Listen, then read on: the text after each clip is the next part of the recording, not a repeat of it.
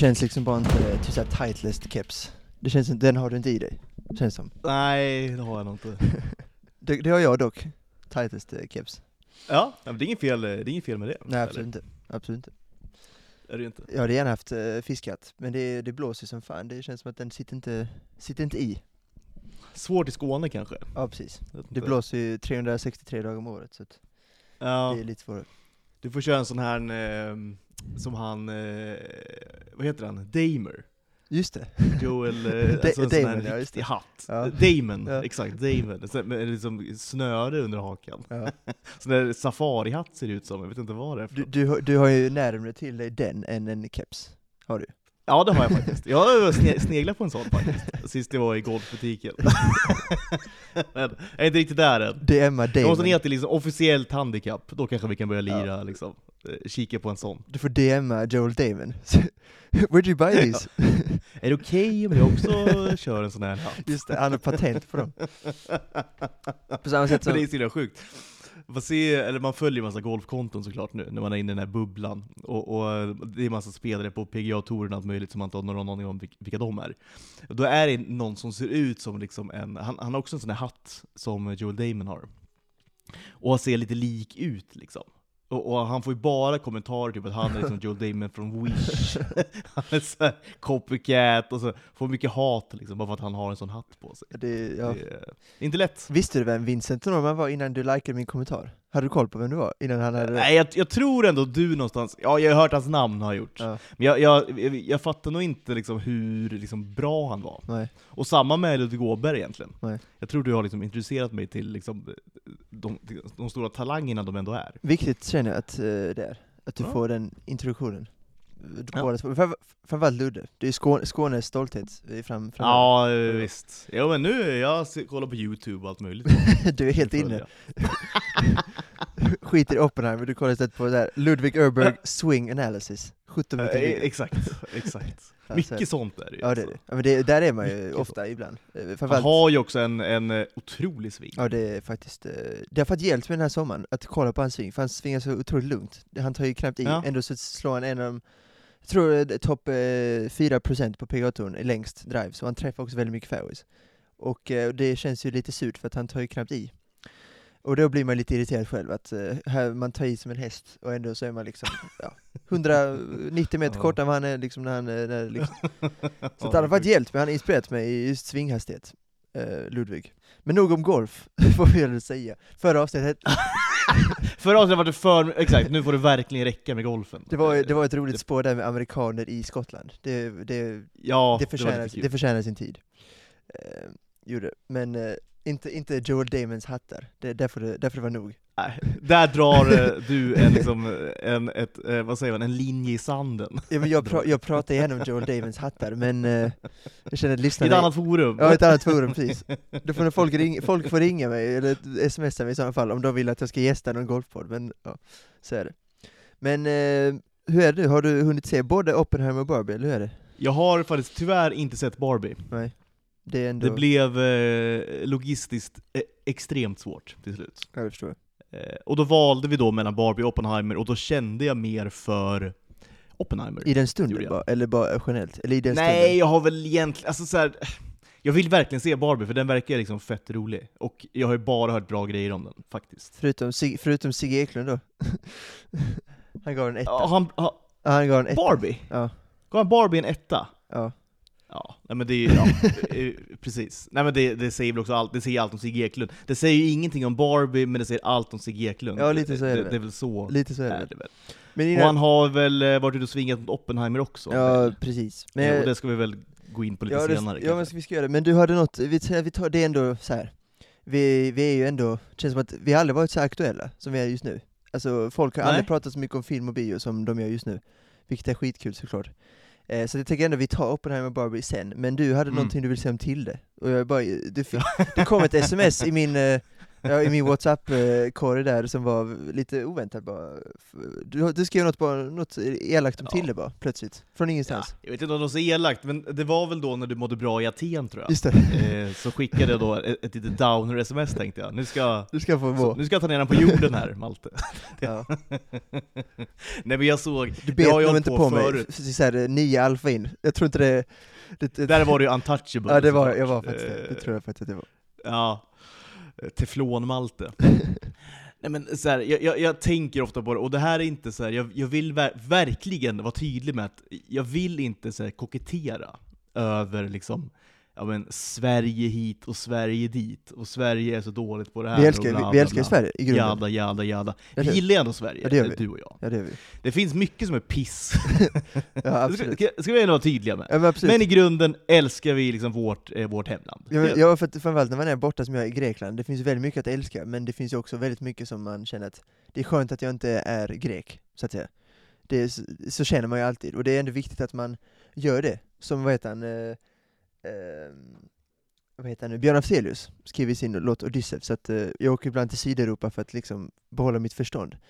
Eh, men att byråkrater i min skalle, det är svårt ibland, eh, liksom typ, med att vara där. exakt. Så det är det, vi är ju objektivt ett av de bästa länderna i världen, men eh, eh, det finns ju nackdelar också såklart med oss. Så är det. Och, och en Och av nackdelarna... de Paula är då en av dem, eller? Tilde de Paula är då ett, ett av de här liksom, otroliga, liksom, vad ska man säga, Eh, men, svagheterna vi har i det här Ett, landet. ett moln över en blå himmel, typ, kanske? Ja, Ja. Det är det. Ja, men, ja, exakt i den mån nu himlen är blå. Den var ju blå i, i tre veckor i sommar, sen har det typ regnat resten. ja, jag vet. Det har vi varit inne på förut, den överskattade liksom, svenska sommaren. Ja. Eh, som, som går från, liksom, på en dag kan det gå från fem plus till en till liksom, överkorsad geting. Det är också charmen att det kan vara, för redan bara den här morgonen hade det varit skyfall i Skåne och sol. Eh, och varmt. Ja. Och det är ju faktiskt, eh, ja det är lite irriterande men också skönt, alltså, eller charmigt så att säga. Det är älskvärt, men när man, när man bor här kanske 12 månader om året, som jag nu gör, numera gör, sen ja, ett och ett halvt år tillbaka, så är det inte, det är inte lika kul längre. Så är det ju. Nej, Då har man ett Italien som det är väntar liksom. ex- det är exakt. det har inte jag nu. Nej. Nu är det Lund som väntar istället. är Ja, en timme, en timme är härifrån. En timme härifrån. Ja, du sitter ändå i din, i din morfars stuga eller? Vart Så är det. Så, eh, detta, är Ja. faktiskt vår, e- detta är faktiskt vår egen, mina föräldrars. Men ni har två stugor? Ja, i en, ja precis, i en, eh, ja, vad ska man säga, vad heter det, dubbelsäng, eller vad heter det? Sån, eh, inte, inte alls eh, speciellt lyxigt just nu, när jag ligger liksom på typ någon slags horisont. Eh, Jag ser liksom inte ens hur du, hur, vilket, liksom, är du horisontell eller vågrätt? Ja, eh, eller det är så jag- det är så ner? jag precis. fattar ingenting. alltså, under, under en annan säng här, så att det, så det du ligger inte, under en säng nästan? Ja, precis. Ja det gör jag ju, det är en dubbelsäng. Ja, det gör det. Vad heter det? Våningssäng Ja, heter det såklart. Våningssäng. Ja, det är en våningssäng. Ja, ja, då är jag med. Mm. Då är jag med. Så, är det. Ja. så det är inte lyxigt, men jag, jag är på ett av två gods då här nere i sydöstra Skåne. Ja. Så är det. Jag har också täckt, jag har också täckt eh, på, på tal om andra fina ställen i Sverige, så täckte jag då både Båstadveckan och Falsterbo-veckan. Befann jag mig både i Falsterbo och Då var du på plats. Då var jag på plats. Ja. Så att jag, ändå Det är- gjort, jag har ändå gjort Skånetouren, alltså där man ska vara helt enkelt, de veckorna.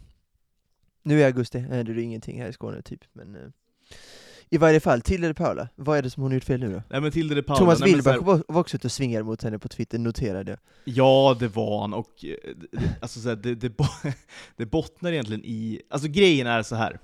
Jag följer ju inte alltså, personer som Tilde de Paula. Alltså, jag, jag kollar nej. liksom inte på hennes program, för jag Nej. vet jag vet ju hur dålig, dels hon är som programledare, och jag vet hur dåliga gäster hon har och liksom hur dåligt eh, program hon har. Jag tror det är andra säsongen nu hon kör det här Tilde, när de är på, de är på Junibacken tror jag.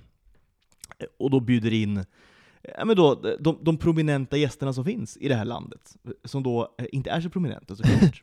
Eh, och det, det är det här jag menar med att jag, jag vill liksom, det, det blir så himla anti och lite så här att man så här, det blir lite så här ruskigt översitteri lite grann. Så här. Att man ska hacka på Sverige och hacka på liksom svensk kultur och så Det, vidare. det, det som Men- vi men- pratade om Melodifestivalen, typ exakt samma sak. Ja men, li- ja, men typ. Och, och, men, men då vill jag bara vara tydlig med att det finns också väldigt bra kultur i Sverige. Alltså vi har en stark typ musikscen. Eh, Vi ska ju prata om Ludvig, vi ska prata om Ludvig Göransson senare också, till exempel. Ja, inte minst Ludvig Göransson till Ja. exempel. Ja. men, eh, absolut. Så jag, jag liksom vill inte här, kasta ut något barn med badvattnet här liksom. För Nej. att använda det det gamla uttrycket. Får man inte använda så ofta? Jag gör nu. Jag har nog börjat, jag har börjat en, två gånger tidigare, så det var... Ja. Ja. det himla sjukt. Eh, så det, Ja. det finns ju bra grejer med men det, det jag Det- blir så fruktansvärt trött på, och det, det jag liksom inte begriper, är ju hur en, en person, som, och, och nu singlar vi ut till De Paula, och det är ju så här, det är ju taskigt kanske. Ja, för hon verkar vara en så Det är- tre, trevlig människa, det är verkar det vara. Det är rättvist, men det är taskigt. Ja, ja nej, jag, jag har ingen aning om hur hon är som person. Hon, hon, är inte, liksom hon är inte Brooks Kepka. Hon är inte Brooks Kepka direkt. Nej, Det hon, nej det orättvist mot henne. inte. hon vet ju hur man fäller upp ett paraply. Ja, det vet, det vet hon verkligen. det, det vet hon ju. Hon, och hon vet, vad USA, hon vet liksom vad länder ligger på kartan som inte är USA eller Kanada, typ. Ja, jag tror, ja, eh, alltså svinbra tror jag inte hon är på geografi. Nej jag vet, men hon är ju bättre än Kepka. Det är hon ju. Bättre än hon, jo men det är hon. Men det är också 99,9% av liksom världens befolkning. Ja, så är det. Så är det. Bruce Kepka vet ju knappt att det finns en värld utanför USA. Han blir ju förvånad varje gång liksom. Europe, Europe. Resten av världen är ju bara Europe. Ja, ja. Argentina. Sen var i Europe, det är liksom, det har jag ingen aning om. Europe och China har nu. China har nu. Ja, exakt. Australia och så här, det är bara låtsasländer. alltså så här, sagor och Jag sånt. tror Ke- Cam Smith liksom kommer från liksom Tasmanien eller sånt. exakt. Ingen aning om. Nej, han tror han skojar bara. Ja, ja. Just det, jag skämtar. Vad I kul. love Cam Smith, he's such a funny guy. Och eh, jag, satt med, jag satt och kollade på Love Island, som jag gör. som jag gör ofta nu för tiden. Är det ny säsong, Mitt eller vad är det frågan i... Är det ny säsong nu eller vad är det eh, Ja, det är ny, alltså UK. Det är UK. Ah, du kör, Eh, det, du kör? Den säsongen, ja jag kör allt. Du kör allt ja.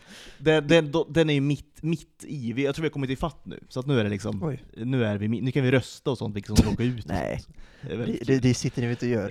Eh, Sitter ni och gör det? Nej det gör jag, det gör jag faktiskt Vadå inte. rösta? Så kan, kan man rösta från Det- Sverige då? Till UK? Går det ens? Ja, det tror jag man kan. Jaha, okej. Eller man vad är det som Bara röstar? man är liksom är i fas så att säga med programmet. Vad är det som man röstar på? Nej det kan jag inte göra förresten, det går ju direkt såklart. Ja precis.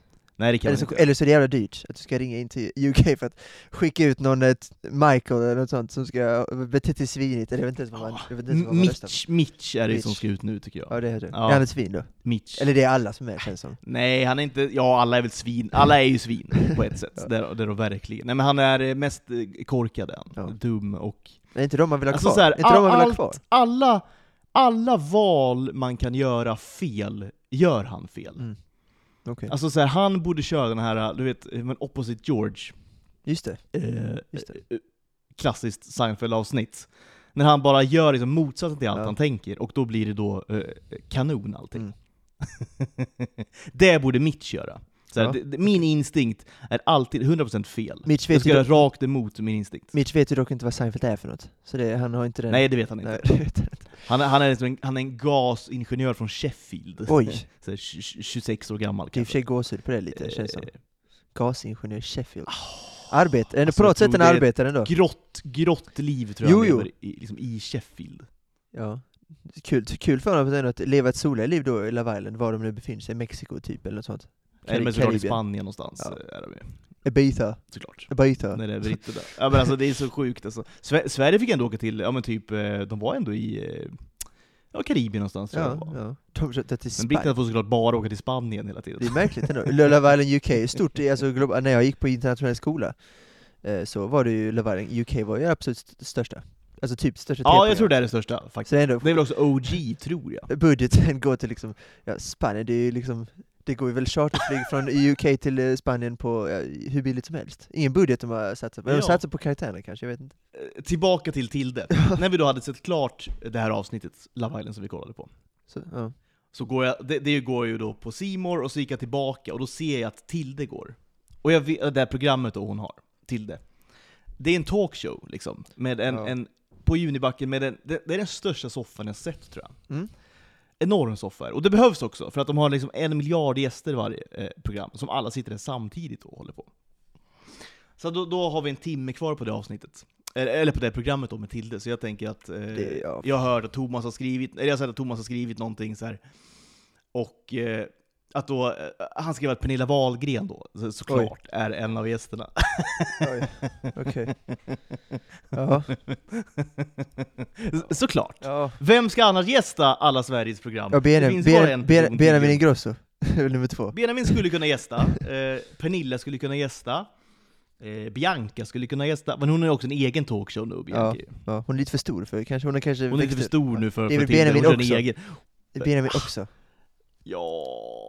Bara att han är, för- han är liksom för reko för att tacka nej. Han är liksom för snäll med alla i Jag den tror också han är för snäll, men jag, han är ju också så här, han är ju också nu liksom fjättrad liksom i liksom det här svenska som jag nu kritiserar lite grann. Jo, jag vet, fast han Alltså, måste... han, han, för han hans- kommer aldrig göra en internationell karriär såklart, utan han, han är ju våran tids liksom, eh, eh, Thomas Ledin, eller våran tids liksom, Tommy Nilsson. Alltså, han kommer aldrig bli något större än det.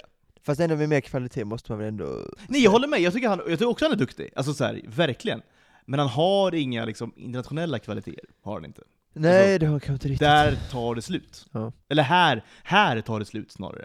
Så att han kommer ju liksom få spendera sitt liv, tyvärr, med Allsång på Skansen och typ Tilde. Jo, Eh, hans var, fast, kanske Skavlan. fast varumärkes skull skulle han ju tacka nej till vissa saker ändå. Han ska liksom inte ställa upp i Hela Sverige bakar eller något sånt. Det får, där får han ju inte ställa upp Nej, i. han skulle heller inte ha något eget himla matprogram liksom, eh, out of the blue såklart. Eh, det, det är återigen mycket felbeslut tror jag. Han, Ja. han behöver likt, likt eh, Adam Driver kurera sin karriär lite bättre. Det är, det är, Sverige, det är musik-Sveriges Adam Driver, är det ju. Just nu. Ja, Han måste börja, för han, han är ju tillräckligt stor för att skita i vissa saker, är han ju. Och gud ja. Så att, han, ja, ja, ja. så att han ska ju liksom inte vara med i Hela Sverige, nu är han ju inte med i Hela Sverige bakar, kommer nog aldrig vara med där, men jag säger bara att det är sådana grejer som han absolut inte får tacka Han har säkert fått frågan, och han har funderat på det, men sen kunde han inte på grund av något. Och det är farligt, han ska liksom inte ens fundera på det, han ska bara säga nej. Ring mig aldrig igen, TV4, typ. Nej, Det, på den nivån ska exakt. det Ja, om jag vill göra något så ringer jag igen. Exakt. Det, det är den nivån han ska vara på. vara. Precis, exakt. Ja. Och Men tyvärr- var det en bra timme då, med Pernilla och Tilde? Nej, det var såklart totalt hädisk var den ju. För Ja. dels då, eh, dels är ju, och jag, jag måste bara säga det så, Tilde de Paula är ju en, alltså hon har ju det här Malou, alltså Malou von Siverts syndromet. Och de har varit på samma kanal länge, jag vet inte om hon har liksom lärt sig av henne. Men det här, hon är också en fruktansvärt dålig programledare, Malou von Siverts. Eh, Det här med det, det konstanta liksom avbrytandet hela tiden ju... konstanta liksom inflikandet med egna, eh, usla då såklart, anekdoter.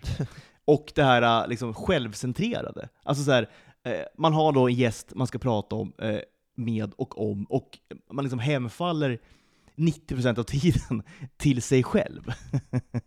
och sina egna liksom, erfarenheter och sånt. Ja, det är Piers Morganskt. Han, Ja, det är Piers, det är Piers Morganskt programlederi. han, är större än, han är större än den han intervjuar, och det är liksom, är inte det, Men- Nu, Jag har inte läst journalistik, men det måste vara regel nummer ett som journalist, att du ska liksom ställa frågor till gästen, och hon, han eller hon ska ta över, inte att du ska börja Ja. prata om din egen åsikt, som Piers Morgan alltid gör, typ.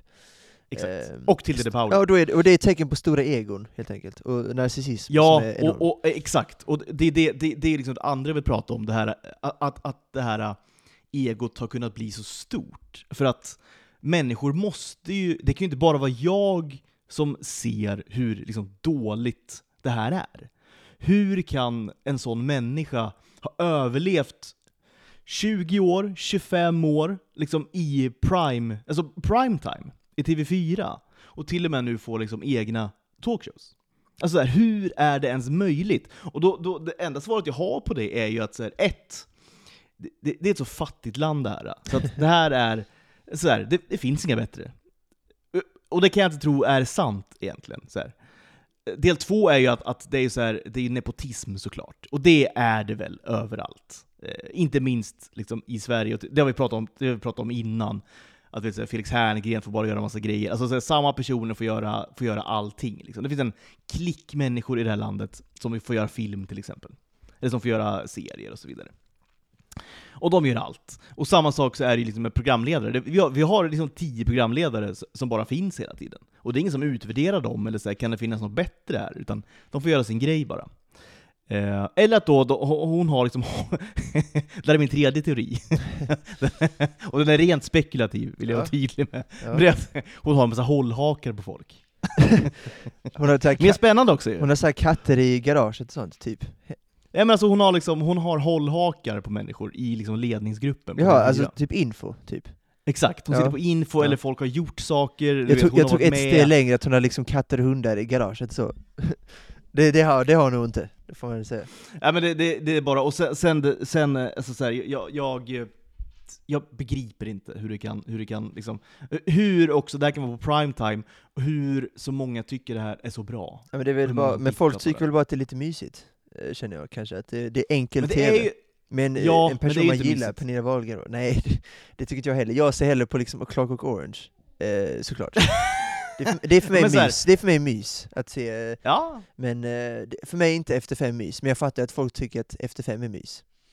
Det fattar Ja. jag att folk tycker. Sen håller jag, sen Men det skulle jag själv aldrig sätta på det, framförallt eftersom att det är så mycket reklam också. Eh, reklam, eh, då ser man, då kanske man, reklamen är liksom höjdpunkten. Det är ändå, då, lite så. Längsta till reklam Ja, exakt. breaket. Det görs ju ganska mycket bra reklam i Sverige. Framförallt om man jämför med andra länder som jag ofta befinner mig i, så där ligger vi verkligen före. Eh, Så då skulle jag, då, eh, efter fem, nu är det reklam, då när efter fem går, och då tittar jag, höjdpunkt för mig är då reklamen. Så inte riktigt så såklart, jag kollar ju aldrig på svensk linjär TV i princip. Eh, Och så här, de bästa programledarna vi har, som du säger, det finns inte många, jag tänker själv högt. Per Lernström är väl såhär 3 plus. Men problemet med, ja, men problemet med honom är väl att han har alla stora program nu. Kockarnas kamp, Idol, Ja. han får leda galor. Det är ett problem, eh, är det ju. Eh, Inte det är inte hans fel heller, utan det finns ju inget bättre som du säger. Eh, tänker jag högt. Anders Lundin, visst. Eh, men han trappar ner nu på äldre dagar, såklart. De bästa programledarna vi har är på SVT, och där kollar ju ingen. Och eh, på SVT är det ju mer liksom journalister också, så de är, det är inte underhållning, det är inte mys att kolla på Ja. Agenda, även om de är kanske fyra starka plus. Camilla Kvarntoft och eh, Anders Holmberg, de är ju urstarka såklart. Men de är, ska ju heller inte leda typ Melodifestivalen. Det, det, det, det, det ska de ju inte. Det har aldrig varit liksom full circle Sverige. Ja, När liksom Anders Holmberg och Carina Kvarntoft, de, de blir också folkkära. Så, liksom, så mycket att de får leda, leda mellon. men det, det kanske är bra för svensk Se det hända säger jag bara, se Ja, det ja, hända. Jag hade alltså. inte varit emot det heller, det är en typ att eh, Pernilla Wahlgren leder Melodifestivalen. Jag ser hellre att Anders Holmberg, de är, de är i kvalitet åtminstone, på, på det Mm. sättet. Känner jag, och det är inte underhåll, då är det mer liksom eh, Sverige-mello igen. Det, det ska vara precis låtarna ska presenteras, låtarna ska sjungas, framföras. Ja. Varken mer eller Ja, mindre. exakt, och det är väl bättre än mindre då, som det har varit kanske på Ja sistone. gud ja, gud! Drömupplägg känner jag Ja. alltså. Ska vi, ska vi pitcha det till SVT? Anders Holmberg och Camilla Kvarntoft. Och sen han Fouad får vara någon slags eh, green room-intervjuare då. Exakt, lite green room eh, Exakt. sådär, eh, kör liksom. Jag är ju bra såklart, 100%. jag är ju stabilt. Det är stabila, Ja, gud, ja, det, ja. det är tre stabila programledare som kommer göra... Det är de tre bästa gnugga. programledarna Mellon har haft på, på 25 år. Ja men sen det typ Christian Luuk var väl 07 där, eller 08? Det är kanske då. Och Petra Mede såklart, Mm. var 2009. Men på, sen Mm. 10-talet då? Sen 10-talets början? Det är inte omöjligt. Nej, det kan hända. Det kan, det hända. kan absolut Har du något mer på På Tille tal, eller? på, För jag har, ja, jag har jag, jag ingenting till... Inga, inget, jag har inga åsikter om Tille alls, jag har inget, för jag konsumerar inte henne bara. Jag, då, är jag Nej. bättre än dig, du blir, att du blir mer provocerad av att Jag blir fett provocerad jag, här. jag bara Det skiter det är ju- kolla, jag bara skiter att kolla. Det är ju bara att stänga av egentligen och gå vidare med sitt liv. Som jag gör, Men, och sätter på jag- Clockwork Orange. ja. och myser lite. Myser lite. Nej men jag kan inte. Men jag får eh, lite stickspår bara, när du pratar om reklamfilmer. Ja. Minns du det här programmet som gick för, eller är du för ung för det? Med Anton Körberg tror jag hade det. När, när han då visade liksom utländska reklamfilmer. Och liksom, det, det var så någon sorts någon så här topp, topplista liksom, eh, varje, eh, jag tror det var en gång i veckan typ, en halvtimme eller en timme till och med. Med då utländska liksom, reklamfilmer som han tyckte var roliga. Liksom. Det är bra TV. Tycker jag. Alltså, jag kollade ju på det. Ja. Alltså det låter Ja. som ett bra program som jag har kollat på. Om man, om man, är, om man Ja. är duktig då, som Anton Körberg kanske är, jag vet inte. Återigen, jag konsumerar inget av honom heller. Han var med i det här Benamis i och för sig, tror jag, med hans pappa. Ehm, men... eh, Liksom, han har liksom totalt fallit ur eh, Ja, lite. s- eh, strålkastarljuset eller Lite. Anton Körberg. lite på radio tror jag, eventuellt, att han sa att han var i det här programmet. Ja. Men vad vet jag. I alla fall, det låter som en skitbra idé. Var är, var är de programmen någonstans? Istället får vi Efter fem, typ. Och hennes nya program då som hon har under sommaren. Sommar, sommarkväll kanske heter något sånt. Typ. Det heter bara Tilde ju. Ja, det heter bara till det. Det heter Tilde. Det, det, det där är liksom megalomani på hög nivå. Ja, det, det är rätt sjukt. Alltså, så här, eh, ja, det är ju Piers Morgan-ego. Och det trodde jag faktiskt inte om henne. Att man namn till Tilde. Tildes, kanske nästa steg. Nej, bara Tilde! Det är bara, det är ännu Det är värre. bara Tilde. Ti- Tildes Ja, hade varit mer vet. sympatiskt. ja, det hade du ju. ja, Visst. herregud. Så alltså. någonting, alltså, det, men det, det är bara Tilde. Alltså Ja. så här, det, det ska vi ju. Det inser till och med du att det gör. Ja men det är klart jag gör, det är klart jag gör. Men problemet är Ja. med Piers, jämför då med Piers Morgan som ändå för mig symboliserar den här egojournalistiken. Som det inte ska vara, Mm. journalister ska vara världens mest ödmjuka människor typ. Bara låta gästen ta för sig typ, och sen bara granska. Så ser det tyvärr inte ut. Journalister är ju förmodligen bland de större rövhålen eh, liksom, vi har. Ja men det är det som är problemet när journalister blir egon, för det är ju Piers Morgan ett jättebra exempel på, när han, ja som jag har sagt pratar med en gäst och sen också uttrycker sina egna åsikter. I och för sig har han ett debattforum Mm. då på Youtube, det är ju kanske inte riktigt på samma sätt. Men du fattar vad jag menar. Men sk- skillnaden med honom är att han är ju ett uttalat ego, och praktvin såklart. Tille har inte den framtoningen som Piers har. Eh, så att Mo- Piers Morgan kör ju sitt race hårt, och det kör han in i kaklet typ. Alltså hela vägen in i kaklet. Tille är ju, hon försöker väl framstå som en slags trevlig, sympatisk människa, men om hon då är ett ego så faller det ännu, det blir nästan ännu värre och mer provocerande, känns det. Ja. Ja. Och det är ju, det är ju, ska, Tille Paula har större ego än Piers Morgan, det trodde jag aldrig att... Det är sjukt. Det har hon kanske inte heller riktigt. Piers Morgan Ja men det är ju sjukt att, att hon liksom har- ändå har tillåtits få det. Det är det, det, är det jag tycker är så himla sjukt. liksom. Tilde, det är faktiskt sjukt Ehm. att det heter Tilde. Det är, det är bisarrt ju. Det är det märkligaste som har hänt, svensk tv-historia. För vad, Men- men det blir- Carina Bergfeldt, hon heter väl, programmet heter väl Carina Bergfeldt typ? Det heter ju inte Carina. Eh, nej det är inte Carina Bergfeldt liksom. Exakt, det är nog rimligt. Ja. Eh, Som Skavlan. Vad har vi haft, vi har, på tal om Christian Luuk, sen kväll med Luke och Ja, så vidare. Men han är ju också större. ju liksom. Han är också större. Ja gud ja, såklart. Jag vill, eh, nya stjärnskott, är det Bianca Ingrosso då som är någon slags framtida talkshow? Det är det såklart inte. Ah, men alltså, usch, ry, ryser när du bara säger Skav, det där. Skavlan är ju klass, ibland går, kommer man kolla på gamla Skavlan-intervjuer, det är ju klass fortfarande, många i varje fall, intervjuer. Mm. Alltså ska Bianca Ingrosso intervjua ett så här, när Dal- Dalai Lama var där, eller eh, för all del eh, Joe Biden har gästat, eh, Michael Palin, ska hon, göra, ska hon vara liksom vår nästa? Det, det kommer inte vara, eller hur? Bianca Ingrosso är liksom nästa, nästa Stina Dabrowski. Vem, vem var det som intervjuade Margaret Thatcher? Var det hon som gjorde ja det var Stina Ja, den klassiska, den klassiska med... Så där, där blev hon lite ägd eller? Ja det blev, det får man verkligen säga. Det Jag var inget- smärtsamt. Jag är inget, jag är inget Margaret Thatcher-fan överhuvudtaget. Nej Men därför- det, det, har- det förstår jag. Nej, eh, absolut inte. Men där får man säga att hon är rikt, ruskigt vass är hon i den intervjun. Jag tycker inte Stina Dabrowski gör bort sig. Men hon blir, Nej, bort, hon gör inte blir bort hon blir Alltså, hon- bortgjord så här- av en bättre retoriker helt enkelt, så är det. Exakt, för att i sak, det kan man gå in och lyssna på, de pratar ju om, eh, typ... S- eh, typ Sverige och neutralitet i grunden. Ja, nästan. exakt, och hur neutrala var Sverige och så vidare. Ja. Och, och, ja, men så här, och de pratar om Storbritannien och att de då ser sig som lite bättre. Eh, För att de, för att de stod upp mot Tyskland. för att de stod upp mot Tyskland och så vidare under andra världskriget. Och det tycker jag är rim, det är en jätteintressant debatt. Ja, ja, och, och Stina Dabrowski, alltså frågan hon ställer är ju så här, legitim och Ja, ja. legit. Verkligen. Och så här, den är inte fel på något sätt. nej, nej. Men, men det är imponerande hur Margaret Thatcher bara eh, pulveriserar henne Ja, ja. ändå. Exakt. Fast, hon, fast Stina egentligen har rätt och Margaret Thatcher egentligen kanske har fel. Så får henne till att hon liksom slaktar Stina Dabrowski. Ja, Finns det, på Youtube, kan man gå in och kolla på. Ja, det är, en, Eh, otro, det är en, tro, en, tro, en otrolig intervju, och för att, eh, här, om man gör bort Bianca Ingrosso, det kan man göra, det kan många göra. I, framförallt i en sån fråga. Eh, Ja. Utan att vara fördomsfull mot Bianca Ingrosso, men det känns som att hennes andra världskrigs eh, kunskaper, de är, de är på gränsen till be, obefintliga. be, begränsade. Ja, högst mycket begränsade. Ja. Det är, så det är en sak att göra bort henne, men att göra bort Stina Dabrowski i det läget, det är, alltså det, det är en fem plus insats av den intervjun av Margaret Ja, men där och då var ju Stina Dabrowski, var ju liksom, hon var ju vårat, liksom, det stora liksom, journalistnamnet. Hon Ja, ja. intervjuade ju alla de här liksom, eh, höjdarna, hela Ja, ja. tiden. Ja, ja, Eh, det, var, det var ju det hon gjorde, liksom. otroligt framburen.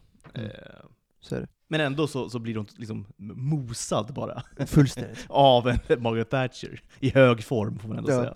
Det får man verkligen säga. Hon, hon var ju, återigen, jag gillar inte alls henne, men hon var en otroligt skicklig, skicklig retoriker, får man verkligen säga. Ja. Det var, det var faktiskt imponerande att bara se hur hon... Så precis som du säger, när hon har, typ, kanske inte fel, men hon har åtminstone tydligt brittiska ögon, har hon ju på sig. Där. Eh, Verkligen. Medan Sverige, medan Sverige har mer eh, bokstavligt neutrala, vi, var inte ens, vi deltog inte ens i kriget, så att, eh, det, vi, helt objektivt. Så, så är det otroligt skickligt är det. Hon Mm. bokstavligen bara klär av Stina där, mitt framför ögonen på henne. Rekommenderar att gå in och kolla på det. Ja, jag, det, det är en, jag, Alla som pluggar journalistik borde typ kolla på det här klippet. Ja. Och så är det, det här får inte hända mig lite grann. Alltså så här, jag måste vara bättre förberedd. Alla bara frågar, men Stina gjorde ju inget fel. Nej, exakt. exakt, Nej, det är det som är komplicerat. Exakt, och det spelar, men det spelar ingen roll. Exakt, det är- du måste lära dig ändå. Och det, det är ju också så här, det, det kanske också, som Stina Dabrowski hade fått lite skall liksom, efter alla Mm, hyllningar. säkert. Och, du vet, så här. Jag, eh, jag har den här jättebra frågan, jag kommer bara ställa den rakt av, och så kommer det bli kanon. Ja, exakt. Eh, Medan hon skulle tänka då, hur, hur kan svaret bli på det här? Ja. Liksom. Eh, Skitsamma, vi ska inte prata mer, vi ska inte prata mer om Tilde heller. Jag vill bara Nej. avsluta med, liksom, bara för att Du förtydliga. är lite orolig för svensk underhållning kanske, programledare? Ja, jag vet inte Och det tycker jag är en så- alltså, viktig, viktig poäng, som vi- du tar upp. Nej, men jag, nej alltså, så här, jag är inte orolig på ett sätt, för jag liksom skiter i det. Liksom. Ja. Egentligen. För jag kommer liksom inte vara del av det, tror jag. Eh, Så mycket. fast så länge du lever i Sverige så Ja. är du en- ändå en del av Jo, det. jag vet, men planen är att inte göra det. planen är Ja. att inte göra det. Att dra, dra bara. Så jag skiter egentligen vilket. Det, det som provocerar mig är liksom hur mediokra människor kan få, liksom, och det- har jag varit inne på innan, att det stör mig att liksom, mediokra, i, i- i vissa fall till och med liksom, rent usla människor, kan få liksom, så mycket utrymme kulturellt. Mm. Liksom. Det, det stör mig så fruktansvärt mycket. Det Och jag vill bara wrappa upp den här lilla ranten då, med att presentera resten av gästlistan. Och då kommer du också förstå vilket stort problem det här är. Och, och, och eh, liksom med, eh, apropå att samma personer bara snurrar, snurrar, snurrar. Tror- Det är samma sak som, som de här kändisprogrammen, Jeopardy, eh, Sve- Kändis-Sverige bakar, alltså det finns så här, det är bara kändisar. Det är bara kändisar som ställer upp i allting hela tiden. Man, alltså så här, spyr på det verkligen. Hellre vanligt, som Vem vet mest, hellre att Ja! vanligt folk ställer upp. Gud, ja, ni- såklart. Nya stjärnor i landet. Ja. Nej, alltså till och med i det här Postkodmiljonären ska det nu sitta tre liksom, liksom, så kallade kända människor Ja. och liksom gissa på rätta svar och så vidare. Alltså, fyller ingen som helst funktion, gör de inte. På tal om Postkommunen, där har du en annan programledare som vi använder för lite av i Sverige, Rickard Sjöberg. Det, han borde Han vara... på tal om mys, han är mysig ju. Ja men vad, det, det, Och vi, duktig ändå. vi, har, vi har inte råd med det, att våra bästa programledare gör liksom Postkommunen en gång i veckan. Han, han, han, borde, han borde göra typ Idol, eller Melodifestivalen. Säger ja, jag. alltså han skulle ju ha liksom, eh, Patrik Sjöberg skulle han ju ha ett program som hette. Rickard Sjöberg. Ja, du ser. Patrik Jag också, te- Patrik också ett tv-program. Patrik men, eh, Sjöberg ska inte ha något eh, program. Nej det ska han, det ska han absolut inte ha. ska han Dumpen, ha. ska, han ska inte ha. Visst är, det dump, visst är det Dumpen de heter? Ja, det är dumpen. Ja, Ja. Nej, det, det är Men- en helt annan diskussion. Men Patrik Sjöberg ska ha en talkshow. Patrik Sjöberg ska ha en talkshow. Ska han ha. Det får också pitcha, men han kommer inte vilja ha det, det är som är grejen. Ja, ja, han skulle kunna ha det tror jag, men det skulle bli så fruktansvärt liksom, uh, uff. Jag, skulle inte kunna, jag, jag kan inte kolla på sådana program när det bara är liksom 100% dålig stämning och eh, liksom, ehm, eh, vad säger man? Alltså, det, det är bara liksom polemik och, och det är bara konflikt hela tiden. Jag mår så dåligt du, du, sånt. du, du vet Rickard, nej förlåt nu, nu, nu menar jag Rickard, inte Patrik. Fan vad du, du förvirrar mig också. Rickard Sjöberg ska ha en egen talkshow menar jag såklart. Ja, eh, precis. Ja men Ja. då så. Ja, Ja. exakt. Ja. ja, men då är vi på samma. Ja. Så. Den skulle ju ha lite mer liksom, intellektuell verkshöjd tror jag ändå. Ja, men för Rickard, men som sagt, han är, vi använder honom för lite. Dock är det nog att, att han inte behöver eller vill. Han, han har säkert fått frågor, såklart. Han har ju fruktansvärt bra lön skulle jag tro. Ja. Eh, Alltså fruktansvärt bra lön tror jag han sitter på. Det är dåligt för Sverige, men bra för Rickard. Så är det Ja. tyvärr. Jag, jag, får, får jag bara då namedroppa då eh, Ja, gästlistan? ska jag då- gissa? Ja, ska jag gissa? För det känns som att jag Ja borde- men gissa, vi har, vi har ju nu Pernilla Wahlgren, eh, har vi etablerat. Ja, ja, ja. Sen har vi då, nu ska vi se, eh, en, två, tre, Tre till. tre till måste det vara. Ja. All right. Okej, kan du ändå ge mig kön slash och liksom vad ha- han eller hon gör? Ja, det är, eh, det, det är en manlig, resten är kvinnor. Och vad gör den här mannen då? I liksom yrkesväg? Ja, jag tänkte, kom, jag tänkte komma, komma till det sen. Jag, jag tror att jag liksom ger bort det om jag, om jag säger det egentligen. Han, han är ju en, han är någon sorts samhällsdebattör. All right. Okej. Han, han, eh, han har nyss skilt sig. Jaha, är det någon slags, eh, är det Jonas Gardell typ? Ja. Ja, okej. Nej. Ja. Sen är det, sen är det två kvinnor, är det så att, Två kvinnor då? är det Jonas Gardell som Ja. där. och Mark kommer säkert vara med nästa vecka? Eller hur? Äh, lågoddsare, absolut. Lågot. Han är ju, bland det är också sjuk, Mark Levengood ska säsongprata igen. Nu. Är det eh, elfte gången kanske han så? Ja men jag tänkte precis säga, han har jag tror vi är uppe på tvåsiffrigt, det är ju helt sjukt ju. Ja. Men det är, han, han, hans får väl alltid mest lyssningar? Det, så är det väl? Han Nej, är ju duktig tror också. inte, Ja, jag vet inte om det är... Alltså, Nu måste vi vara trötta på det känns som. Svenska ja, folket. samma Eller sak med. Gardell egentligen. Alltså hur många soffor kan han sitta i och ha, alltså han, han får all, han framstår ju alltid som, eller han, han liksom, eh, jag vet inte, han, han etableras som någon sorts eh, liksom filosof, eller någon sorts eh, liksom existentiell big shot. Alltså, eh, som då säger så kloka grejer hela tiden om liksom livet och döden och så vidare. Men, men det gör han ju inte. Alltså han säger, han är så himla platt är han. Han är väl han är väl väldigt duktig författare, den här Torka aldrig tårar är en väldigt bra bok tycker jag. Har du läst den eller har du Eh, bara sett serien? Ja. Nej, jag, nej jag, har inte, jag har inte sett serien. Eh, Jag har bara läst boken. Han är en väldigt duktig författare skulle jag vilja säga. Och som journalist tycker jag ändå att han, så här, som du sa med polemik och sånt, det behöver vi också i Sverige. Samhällsdebattörer som ändå vågar sticka ut hakorna.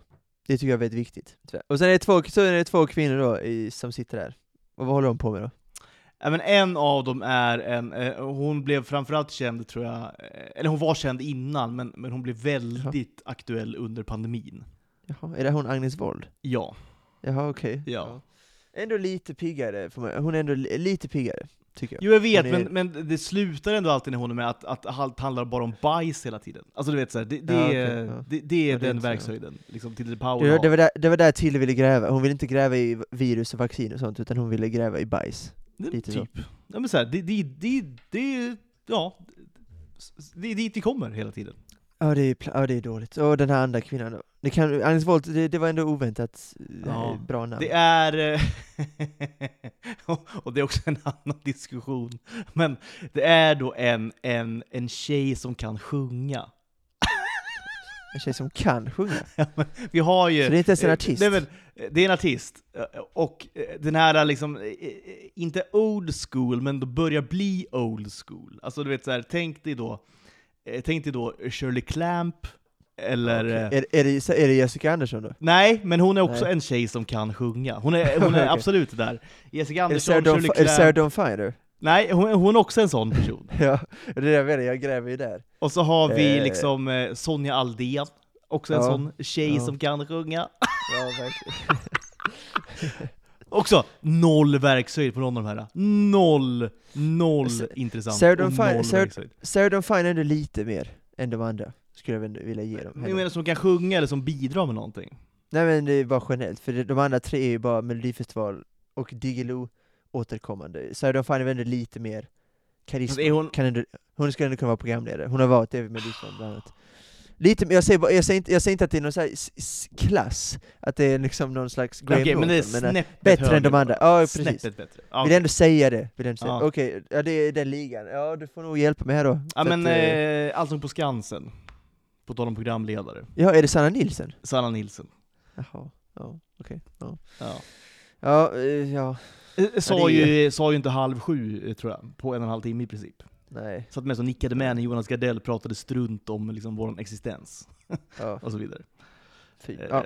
Nej, vi får, vi, fan, vi, vi får prata om roligare saker nu. Det är, ju- Ja, det det är ju, du, alla hör ju att detta inte är kul. Ja, jag ville det bara liksom etablera, eh, li- liksom så här, bygga mitt case, vilket, vilket eh, liksom piss, eh, piss Ja, men jag, tycker, jag tycker vi kan knyta upp en säck och ändå, vi är lite oroliga för svensk underhållningsframtid. Om vi inte skickar fram så här Sjöberg längre. Han är, han är Ja. ändå något sorts ljus, ett ljus i mörkret. Ett ljus i mörkret. Ja.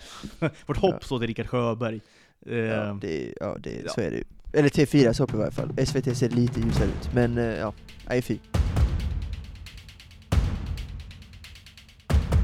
Något som är lite ljusare, vi har bara varit och sett Oppenheimer. Jag tänkte precis säga det, på, på tal om, om ännu mer mörker. Ja, det är ju för sig samhällsmörker är det såklart. Men, eh, det Vilken tyckte du var bäst då, av Barbie? Jag har inte sett Barbie, du har sett båda. Nej. Vilken tyckte du var Ja, jag- bäst?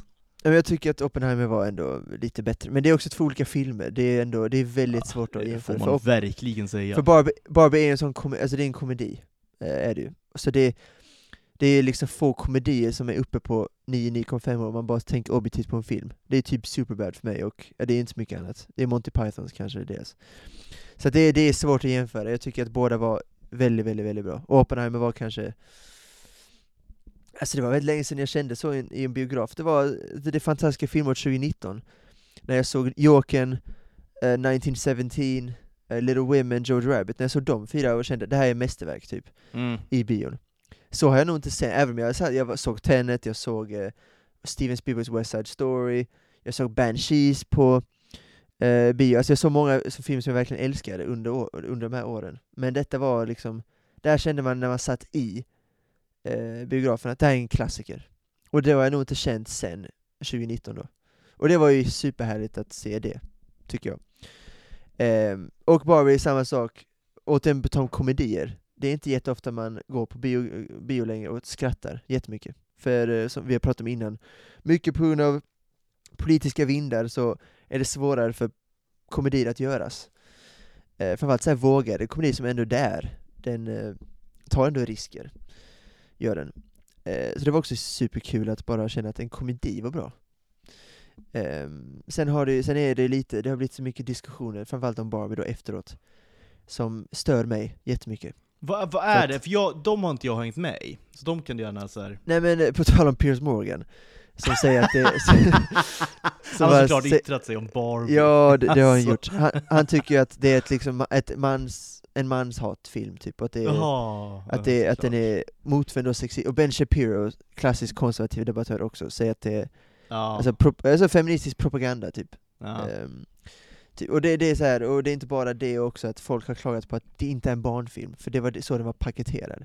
Mm. Och det, och det, så- så här, det här händer ju alltid när, det, så här, det, det här är min grej, att om man är film, om man är inne i filmvärlden, som jag är, så är det väldigt sällan filmen når liksom utanför folk som är intresserade.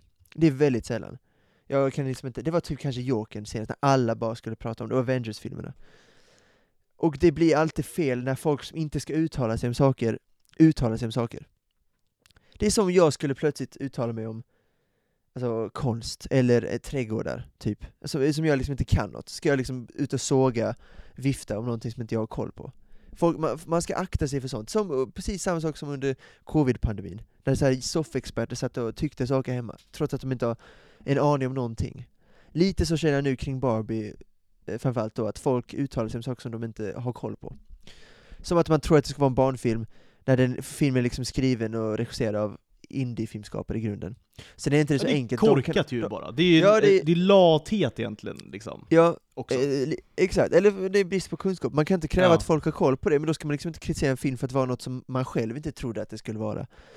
Eh, sen är det inte så enkelt, det är klart de kan också göra barnfilmer. Greta Gerwig har bland annat sagt att nu ska hon börja göra stora filmer, Narnia och sånt snackas det om.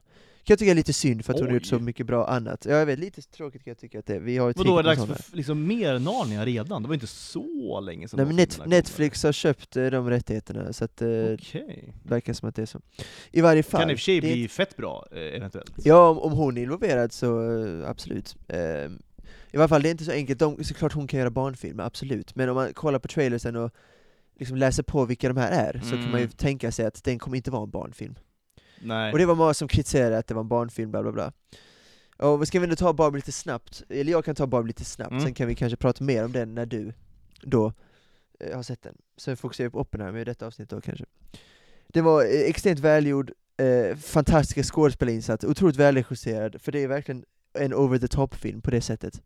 De verkligen satsar. Det är liksom satir där de över, alltså så här, på en satir, från en satirisk, satirisk ståndpunkt så kör de verkligen all in. Och det är så man måste göra i en sån här film, där det är liksom over the top. Och det gör de, och det lyckas, tycker jag, för det mesta. Nu blir jag glad av att Eh, höra ändå. Jätte, så här, men återigen, den är inte för alla. Ehm, som Sigge Eklund sa då, att han tyckte det var en etta. Jag kan förstå att min, till exempel min morfar, han skulle nog inte tycka den här var skitkul, till exempel. Men då går man bara inte och ser den. Nej. Och det, och Men det, vad, ha, vad var Stig Eklunds liksom, problem med filmen? ja, men, grejen- han tyckte bara att den var en objektivt usel film, sa han. alltså. Att den var, så här, den var inte välgjord alls, att den, det fanns Ah. liksom yta men den var extremt dåligt gjord, och att den var ful. Ja. Och det tycker jag, så här, objektivt kan man inte säga att en film är dålig, ett, men två, man kan ändå säga att objektivt att om Han någonting är, du, han bra är gjort. dum som säger något sånt. Det går inte att Ja, säga jag sånt. vet. Och framförallt, så här, det är en sak om Spielberg går ut och sågar den, eller hur? Han har ändå, han har ändå kött på sina ben. Det, man det, det får man säga. Han skulle kunna säga, det är inte speciellt charmigt att han, om han skulle gå ut och såga den, men han skulle kunna göra det. har Han skulle gjort kunna 34 i alla fall. Han har, gjort 30, han har gjort 34 filmer, varav 29 mästerverk, typ. Lite Mm. på den nivån är det. Då kan man faktiskt uttala sig om saker. Men förutom podcasten har inte Sigge Eklund uträttat någonting, och sitt IT-företag som han gjorde när han var typ 19-20. Förutom det har han inte gjort någonting. Nu ska han göra Han har ju försökt, men det har liksom inte gått. Inget har ju flugit. Nej, hans kollega då, Alex Schulman, har ju ändå en av Sveriges mest framgångsrika författare. Men han har absolut inte den framtoningen som Sigge har, vilket är märkligt på något sätt. Så det, han sa bara att den var dåligt gjord, så, och det tycker jag verkligen inte att den var, Den var extremt välgjord. Sen, eh, återigen, det, filmen är Barbie och den är over the top, den är absolut inte för alla. Så eh, det vet man ju att den är, men då ska man vara ödmjuk, det här var inte för mig, då går inte jag och se den. Eller så bara, jag respekterar den men jag, detta var inte för mig. Det fattar jag, för den är verkligen speciell. Eh, och så här, om jag har några problem med filmen, vissa skämt flög absolut inte. Och det, då blir det lite smärtsamt i en komedi, att vissa skämt bara inte funkar. Och sen klimaxet på andra akten där, eh, som skulle vara då ett, jag ska inte spoila nu, eh, kanske, eller det, nej det ska jag inte göra för du har inte sett den, men eh, i varje fall, det är, man kan säga att det är något så här, eh, feministiskt tal kan man säga. Och filmen är väldigt feministisk, och det är bra, och det, det, det gör det på ett härligt sätt, för att den gör ner på mannen då, på ett underhållande sätt tycker jag, och absolut inte för långt. Och den stärker kvinnor också på ett eh, så här, eh, ändå bra sätt överlag, men det, det då feministiska talet då, det var lite för, för dåligt skrivet, alltså för klichéigt, alltså saker som eh, kvinnor har sagt i 30 år, exakt samma, det var liksom inget originellt alls i det talet, som ändå var viktigt, för det skulle ändå sätta liksom startskottet för tredje akten, som eh, då skulle som är viktig för filmen, filmens handling. Så det var två grejer som jag reagerade på negativt. Annars tycker jag var en höjdare. Extremt rolig. Jag, jag såg den igen nu när jag var i Grekland med kompisarna, när vi var lite trötta en kväll, eh, minst sagt, så gick och såg Barbie, och det, jag skulle kunna säga den igen idag. Så, så mm. underhållande var den. Ryan Gosling, eh, ett stort, stort plus. Jag, vi som har sett The Nice Guys och Crazy Stupid Love vet ju att han har ju en, han är extremt rolig. Bara att han har, sen har fått visa det. Han, är, han har ju ofta så Blade Runner och Drive Mode, när han, är liksom, han, han, säger typ, han säger typ 13 ord på en film, han, han ja. har ingen dialog.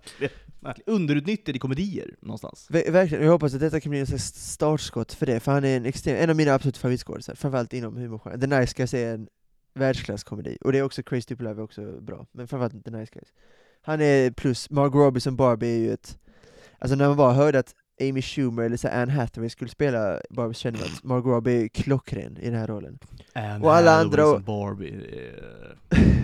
jag gillar henne, men hon är kanske inte, hon ser inte ut som Barbie, alltså Margot Robbie ser verkligen ut som en Barbie-docka. Ja. Ser man. Och det var så här, det var quirky, alltså humorn, det för mig funkar den verkligen jättebra. Och eh, sen var det också liksom, inte oväntat, för jag vet att Greta Gerwig och Noah Baumbach kan detta, men stark avslutning också. Viktigt. Ja men det, är exakt, för det är så här feminism ska vara, att det stärker kvinnor, det ska liksom inte, och det ska vara starka artister som gör det, Greta Gerwig till exempel, det ska inte vara 17-åriga tjejer. Alltså de, de, det, det bara stör mig då. Då blir det bara radikalism och eh, irriterande. För de är, de är bara 17-åriga tonåringar som är arga. Men när det är vettiga eh, konstnärer som ska liksom uttala sig, eller uttala sig, men ändå visa upp sin konst och sina ja, ideologiska ståndpunkter som är såklart eh, superrimliga såklart. Eh, att eh, alltså, stärka kvinnor. Det är så, så ska det vara. För den här stärkte, för, enligt mig i varje fall, nu säger jag det som en vit 21-årig kille, men det, för mig eh, var det här en stark, en stark avslutning på en film, och en bra samhälls... Ja men det är förhoppningsvis vettigt, det har ju blivit det eftersom att både Piers Morgan och Ben Shapiro har uttalat sig om den. Så att, en viktig film Bra som tecken också, ändå! ja. så, så, att filmen, filmen måste ju verkligen ha lyckats, för den, det är dels en jätterolig, men, det, och, men den är rolig och konstant politiskt. För den handlar ju om man, män och kvinnor egentligen, och hur vi är. Och eh, som man kan jag bara säga att jag tyckte inte alls det var, för det är såklart många, ja Ben Shapiro typ som kommer tycka att den är dum för att den eh, liksom dummar ner killar, men jag kände, jag kände igen mig extremt mycket vid många tillfällen. Vi kanske tar det när du har sett den då, men eh, det finns många sekvenser när de tydligt så här, gör ner på killar, när jag känner, ja visst, det, det har jag absolut gjort, eller skulle kunna göra. Så att jag tycker det var en extremt smart film också. Trots att den är liksom dum inom citationstecken eftersom att de är, den är verkligen over the top. Men mm. det, är, det är liksom intelligens rakt igenom. Sen är det vissa skämt som inte flyger, men så det är, få, det är få komedier där alla skämt sitter, det är typ Superbad. Nej det här finns ju alltså det, det nej, typ, nej, typ inte. Nej. Det är typ Superbad, kanske Anchorman 1, men inte ens då, inte ens Anchorman kanske. Så att det, jag tycker en stark, stark åtta. Mm. Stark, stark åtta. Så Barbie var, jag var inte, jag var inte orolig, men jag kände ändå att, eh, ja. Och så Will Ferrell var också med i den, det är ja, alltid plus, såklart. Det är alltid kul. Så, jag, hann inte bli, jag hann inte bli orolig, jag hann inte bli orolig, men så här efterhand kände jag att det fanns en anledning till att vara orolig, men Ja, jag tycker verkligen, det, det, det är svårt för mig nu för det är ändå ganska mycket som man skulle vilja prata om men du har inte sett den. Så vi, när, vi näst, när du har sett den så diskuterar vi Ja men Barbie nästa veckas avsnitt kan vi prata mer om Barbie helt enkelt. Då, precis. då har jag sett den. Det. Det. Men eh, så överlag, eh, positivt, Thomas Wilbach undrade om det var så här, så här, grön, du vet den här gröna tick-emojin, Ja. och frågetecken. Det, jag fattar vad han menar, men den är bra. Men återigen, Thomas kanske är en sån målgrupp, nu har han i och för sig en massa döttrar tror jag. Eh, Mm. Men känns som att han kanske inte heller är så här supermål. Han känns ju mer Oppenheimer, får man ändå säga. Men jag vet inte, men det, det, det, är, en, det är väl en kritik, det är ingen kritik mot filmen, men det är ändå, man ska ändå vara vaksam över detta. Det är nog Mm. ingen film för kanske 7-8-åringar, även om jag tror att de skulle ändå ha kul, men de skulle nog inte fatta så mycket. Det är som Disney Pixar kanske, eller Pixar-filmer framförallt. Ja. Dock för så här, killar mellan kanske åldern 34 och f- 64 kanske jag känner att, eller ja, från 34 till 94 känner jag kanske, ah, kanske ingen film för er. Men återigen, man ska gå dit och testa. Men då ska man inte säga att det var usel som Sigge Eklund gör, då ska man bara respektera, nej det här var inte för mig.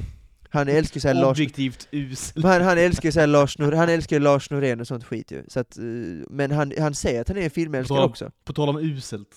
Ja, men- Eh, han älskar ju såna, sånt eh, Ingmar Bergman, såhär, djups, ja. mörka. ja, det, är, det är en posör helt enkelt. Det är det. Sigge Eklund, ja men då, då, innan vi går över till Oppenheimer så känner jag att eh, det är viktigt att inte säga att den är usel, bara, det här var inte för mig. För det är en sån typ av film, att det här var kanske inte min typ av film.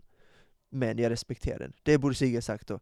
För att han säger att han är en filmälskare, så jag var lite förvånad att han tyckte den var så dålig. Men, Posör, eh, återigen. ja. men jag, då, då, min poäng var då att, eh, trött, men det kommer ännu mer nu, för vi ska väl stanna vid Sigge, för det här var nästan ännu värre tycker jag. För det är så här, man får tycka att den var dålig, eh, men bara att fel ordval då, tycker jag, när han diskuterar just den. Men vi kommer till Oppenheimer, där vi, Mm. för, för den har du också sett. Ja. Som jag då hävdar att kanske är den bästa filmen som gjorts sen ja, jo, jo, äh, Parasit, Jokern, alltså det 2019-året då, enligt mig då, tycker jag. Eh, jag ska bara säga en sak innan, som jag, jag ska bara lägga 45 sekunder på att säga detta. Mm. För det är viktigt med en film som har lite grann kommit i skymundan, såklart efter Barbenheimer då. Eh, som jag tyckte också var ett actionmästerverk. Och det är MI7, Dead Reckoning Part 1. Som oh, jag, ja, den, eh, den eh, står också högst upp på listan. Gör den. för att jag såg den nu också för andra gången på bio nu i Grekland. Ehm, och för den har ju den har inte floppat än, den har ändå gått upp så här 450 miljoner dollar. Men den behöver nog 150 till för att gå Det är runt. som jobb, jobbigt sällskap att gå upp mot. Alltså, Ja, och det är synd för, ja, för det var en jättebra första helg, men såklart drunknade den ju Barbie Ja. Oppenheimer, såklart. Och jag tror att Tom Cruise, huvuden har ju fått rulla på, på Paramount. Åh gud ja! Nej han är såklart totalt vansinnig. förstås. Ja, och han förlorade också det här IMAX-kriget då till Oppenheimer. Ja. Eh, Men MI7, jag, äl- Fallout är ett mästerverk. För mig var den liksom strax underbar. Så det var en, en, ny, en ny kanon av Tom Cruise. Mm. Det är ju Fallout, Top Gun och MI7, det är hans tre senaste filmer. Och det är mästerverk allihopa. Men vi har varit inne på det innan, alltså att, att eh, de, de blir nästan bara bättre och bättre. Ja, det- det alltså Mission faktiskt Impossible-filmerna. ja, ja, för och de det är ju det är ju ett helt unikt fenomen alltså. Ja, för de, Det första tre, för de första tre tycker jag är ganska dåliga. Jag tycker ettan är väl ganska bra, så här, helt okej. Tvåan är dålig. Trean med hjälp av Philip Seymour Hoffman, också Precis. ganska bra. Fyran, Ja. fyran jättebra, Abu Dhabi. Femman ännu bättre. Sexan mästerverk, och sjuan återigen ett nytt mästerverk. Eh, jag vill bara säga det att den finns, gå ut och stötta den, för det är också ett mästerverk som har drunknat Ja, det i är Barbie verkligen. Oppenheimer. Vi ska, men vi ska inte prata om det, kanske mer ändå med Barbie, om du har hunnit se den också, MI7. Mm. För det var ett, ett nytt mästerverk av Tom Cruise. En uh, hjälte just nu i filmvärlden, räddar. Ah, stolta Hjälp- Tom Cruise. Ja, verkligen. Ett, ett geni, såklart. ett geni. Men i varje fall Oppenheimer då, och Sigge, Sigge Eklund. Han sa ändå, ska jag, jag, ska jag ska ändå börja med att säga att han sa att, han, att den fick en fyra. Så det är ändå, det, det är ändå ett bra betyg för mig. Alltså fyra av fem pratar Ja, om. precis, precis. Ja. Det var sjukt man gett den en fyra Jag betyg. tänkte såhär IMDB-betyg, Då hade, fyra. då hade jag, då hade jag slutat lyssna. Magstarkt. Då hade jag slutat lyssna på Alex Sigurdsson tror jag, om han, hade, om han hade gjort det. Det tror jag. Ja. Men i varje fall, hans poäng då var att... Eh, för nu, nu, har- nu kan jag spoila.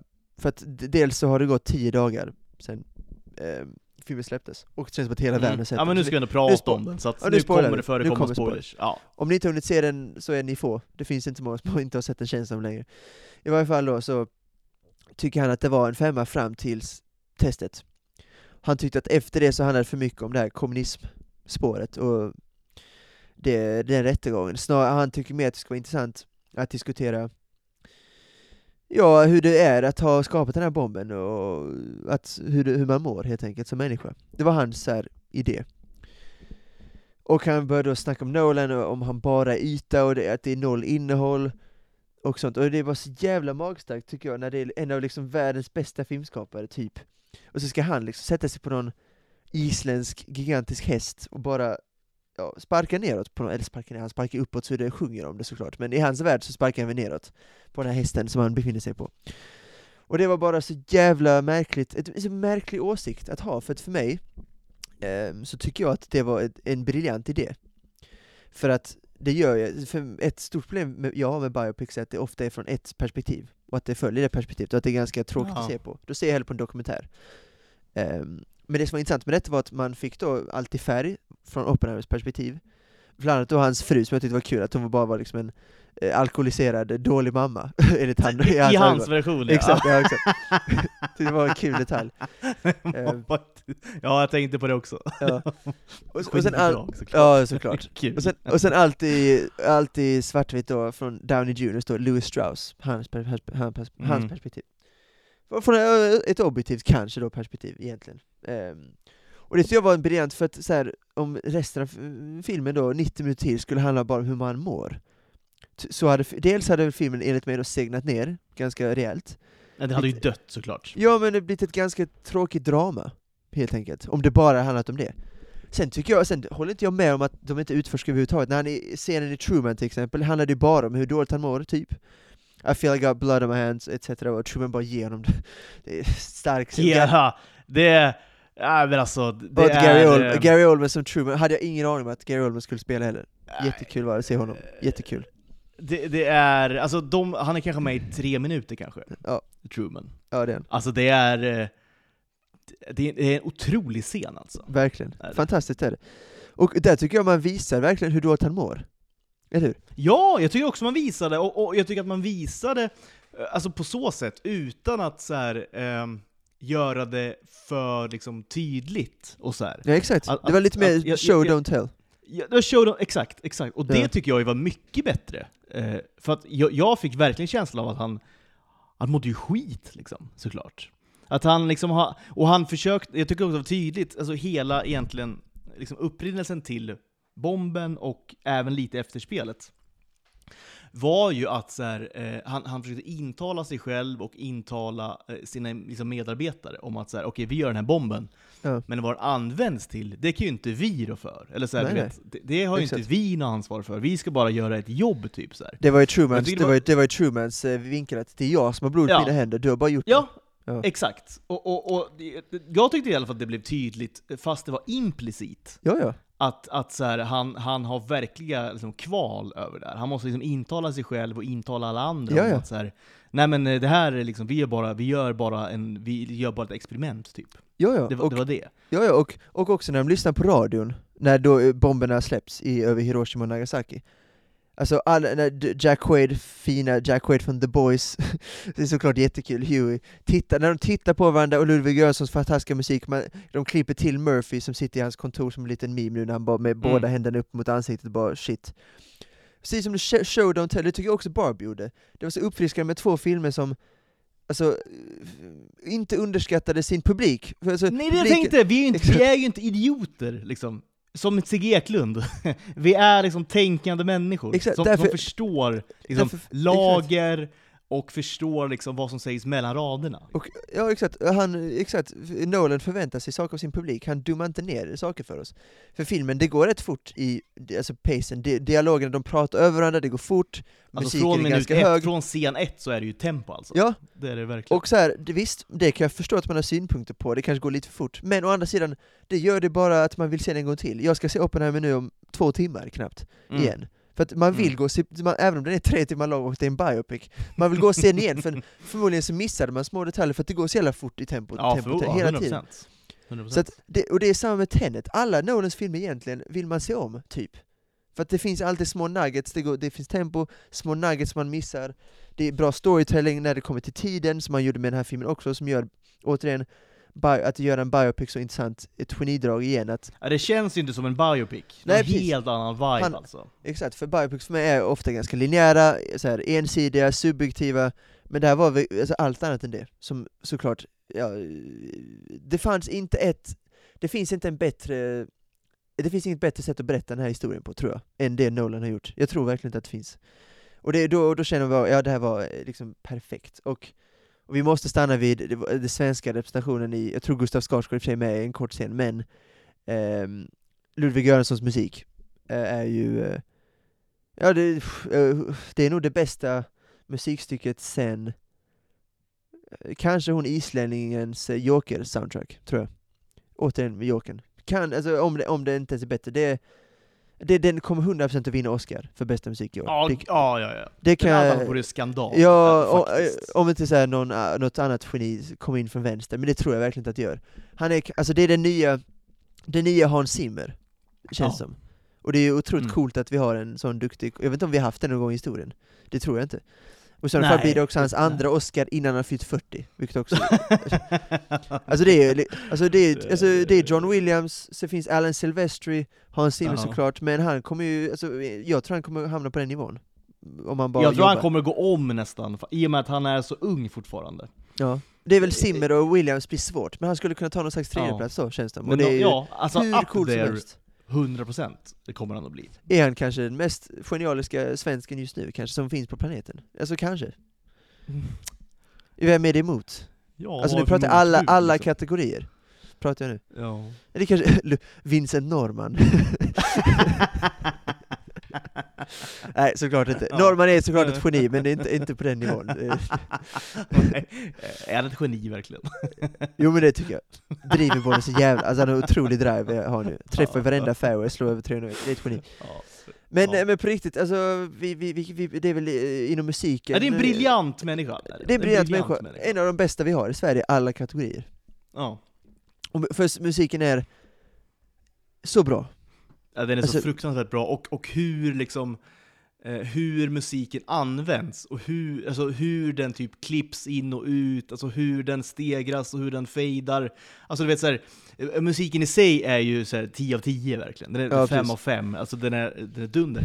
Men även då hur, och det är väl Nolan som mycket jobbar med klipperiet och så här Ja, jag skulle, jag skulle precis Eh, säga det, för både du, framförallt du, men även jag som eh, klipper lite grann då och då Alltså vad Nolan måste ha satt igenom, alltså satt sin klippare, behöva gå igenom, och, och såklart Nolan också, han Ja. håller på jättemycket Det var, hur de har klippt vissa grejer är bara Alltså det måste ha varit extremt jobbigt för den här klipparen att eh, jobba under Nolan, för Alltså, det har varit, det har varit de, kraven, de kraven han har ställt på sin klippare är ju, Ja. Det är enormt. Och eller Det såklart är Finn högre krav någon också. klippare någonsin har liksom stött på tror jag. Ja, typ. Alltså det, det är helt sjukt.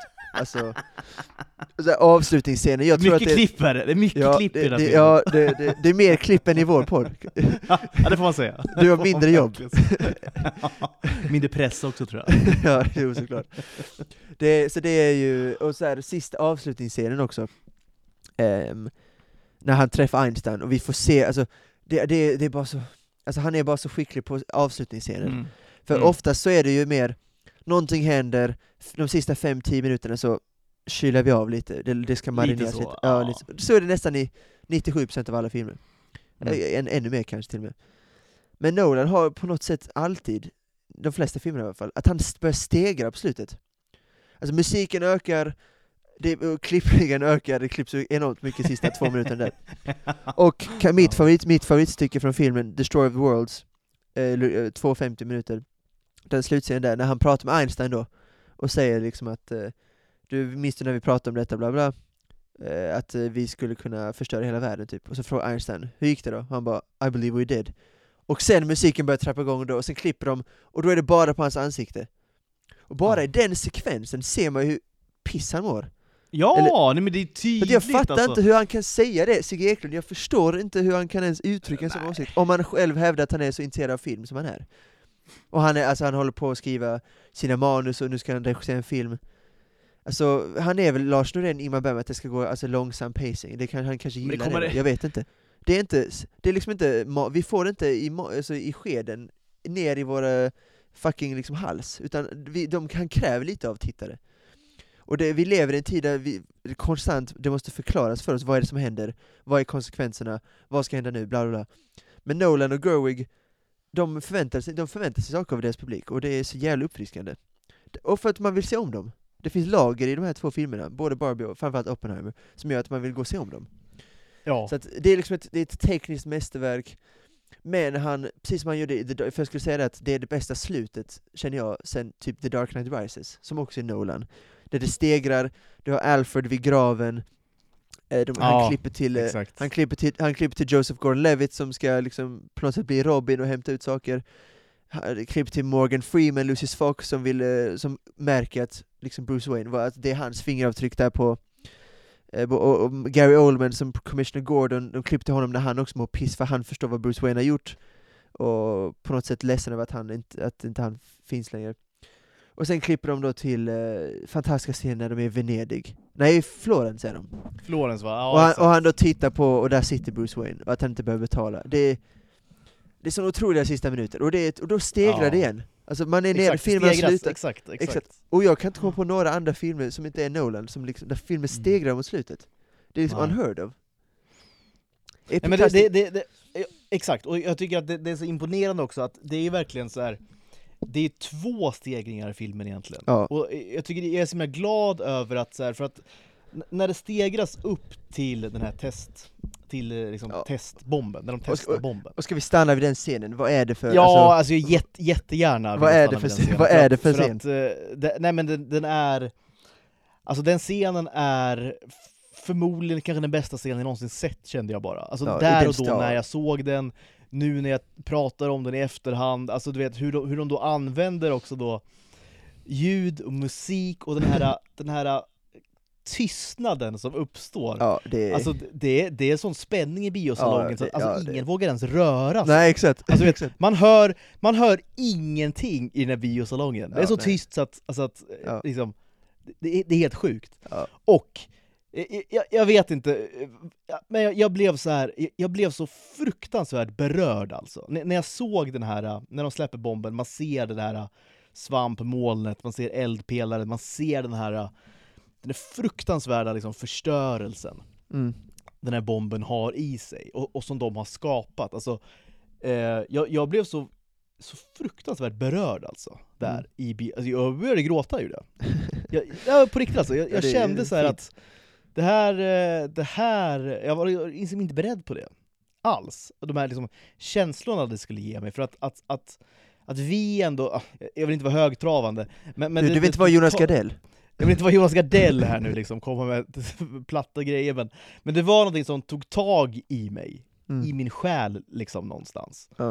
Eh, när, när jag såg det här och jag så, ser, jag ser han, jag ser, och, och, och, och jag vet ju, jag vet ju vad den här bomben åstadkom för någonting. Vi, vi har ju facit liksom.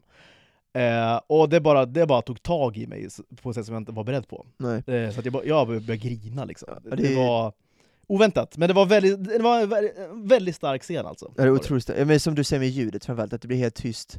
Sen eh, hur, hur de har gjort med, återigen, ingen CGI. Nej, exakt. För nu när, vi lever i, vi lever i Marvel-tider där det är usel CGI på de flesta projekten, för att för de har satsat på, eh, Disney, de har satsat på att lägga ut mer, det är mer content än kvalitet, som lägger ut massa tv-serier ja. där VFX-personerna inte har fått tid på att göra någonting, så VFXen ser helt värdelös ut, samma med filmerna. Därför att se då riktiga praktiska effekter göras, det är också bara gåshud. Alltså ja, riktigt. men eh, det är verkligen det. Det är att han- verkligen det. att Alltså, han det är en filmar helt på- annan grej. och att han filmar på film och inte digitalt, det är bara, det är liksom en, en mästare som har en story som är, som han själv har sagt, en av de bästa storiesarna som finns. För att man vet fortfarande inte, jag vet fortfarande inte vad jag tycker om Oppenheimer är en bra eller dålig människa. Det, det är en jätteintressant diskussion man kan ha. Och, Väl- alla, Ja, det är det. för att är det, finns inget, det finns inget rätt eller fel, för att, eh, enligt mig i alla fall, att det, alltså han eh, var så här, både Ja, det är väl ond, som, alla som, andra andra, som oss alla förmodligen är det väl både och liksom. Det, Och därför är det- det ändå intressant, för man kan prata om honom och liksom vad han har gjort, och eh, vad han gjorde på sitt sätt med tiden, med det här svartvita perspektivet och det där eh, med, i färg. Det är bara, eh, alltså, så här, eh, tekniskt är det en tia, såklart. Alltså, Ja, ja. alltså allt från musik till klippning till ljud, det är bara Ja, ett ja, ja. mästerverk. Oh, ja. Så att jag vill se den en gång till nu, och jag har en 9,5 just nu, men det kan absolut bli en 10 när jag ser om den. Ja, jag, jag, jag fingrar också på tian.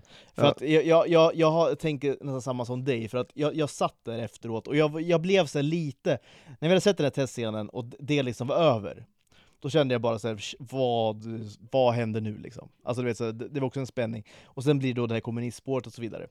Det tyckte jag var, det tyckte jag var intressant. Jag, Vilket jag tycker var rätt val, alltså 100% också. rätt val. Eh, För, för att eh, eh, annars hade filmen, tror jag, dött där och då, Ja, och då hade de lika gärna kunnat exakt. här, avsluta filmen där. Ja, ja. För att vi vet nästan. alla vad som hände sen, vi vet alla eh, liksom, eh, eh, eh, konsekvenserna. Eh, det behöver inte liksom skrivas på näsan om, som Stig Eklund tycker vi ska göra. Eh, För att det hade, blivit en eh, liksom, timme till en och en halv timmes långt drama. Och som, har- då hade den st- stegat ner helt och hållet. Ja, och nu Och var det det här- istället en upptrappning till liksom, Exakt. efter det här. Exakt. Eh, som jag tycker var svinintressant liksom gjort, verkligen. Eh, och jag, jag landar också i, så här, är det här ett mästerverk? Så här, ja, Ja det är det. Efter då, som, som du nämnde, sista scenen, man ser hans ansikte, man ser då liksom visionen av eh, jorden, Ja. där då hans värsta farhåga faktiskt har blivit sann, det vill säga att den här kedje, kedjereaktionen, den går inte att stanna av. Alltså den Nej. fortsätter, fortsätter, fortsätter, den, där eldklotet slukar då hela jorden. För det ser Mm. man en illustration på ju. Mm. Eh, och, och, och man lämnar då biosalongen med hans ansikte, med Ja, orden precis. att vi har, vi har nog förstört världen här. Och den här eh, bilden av jorden som, som bara brinner. Liksom. Eh, det, är, det, det, det, är, det är så mycket mästerverk det blir alltså. Ja men jag tycker att det är det, alltså det, är det första mästerverket eh, sen Parasit, typ, som kom ut år 2019. Precis som Jokern också. Det, är, för så, återigen, det, finns, det, är en stor, det, är en, det finns en skillnad på, även om den här kanske också får nia till slut, som Ten- Tenet till exempel, eller West Side Story. Det, är en skill, det finns en skillnad på riktigt, riktigt bra filmer som är jättebra, fantastiska. Och det finns en skillnad, och sen finns det ett steg till som är mästerverk. Exakt, exakt. Och där är Oppenheimer, och det har vi inte sett. Det är liksom det första mästerverk på 20-talet. Mm. 2020-talet. Och det kan vi Mm. slå fast att det är. För det är det. Det, är, det spelar ingen roll vad, vad som, hur jag ser om det nu, jag tror bara att det kan bli bättre. Det kan inte bli sämre Ja, ja, på eh, första gången. Exakt. kan bara bli jag, jag bättre. tänker också det, att jag vill se om den, för att jag, jag fick... Eh, nej men det var känslomässigt jobbig för mig. Och jag, Ja. jag tror att det kanske tog bort lite från eh, liksom hur, hur jag såg på filmen som film, så att säga. Alltså det här... Jag, jag tror det hade gjort mig gott att se filmen igen, faktiskt. Alltså, Det tror jag också. och den skulle bli ännu bättre, tror jag, av det. Precis som du, som, precis som du säger.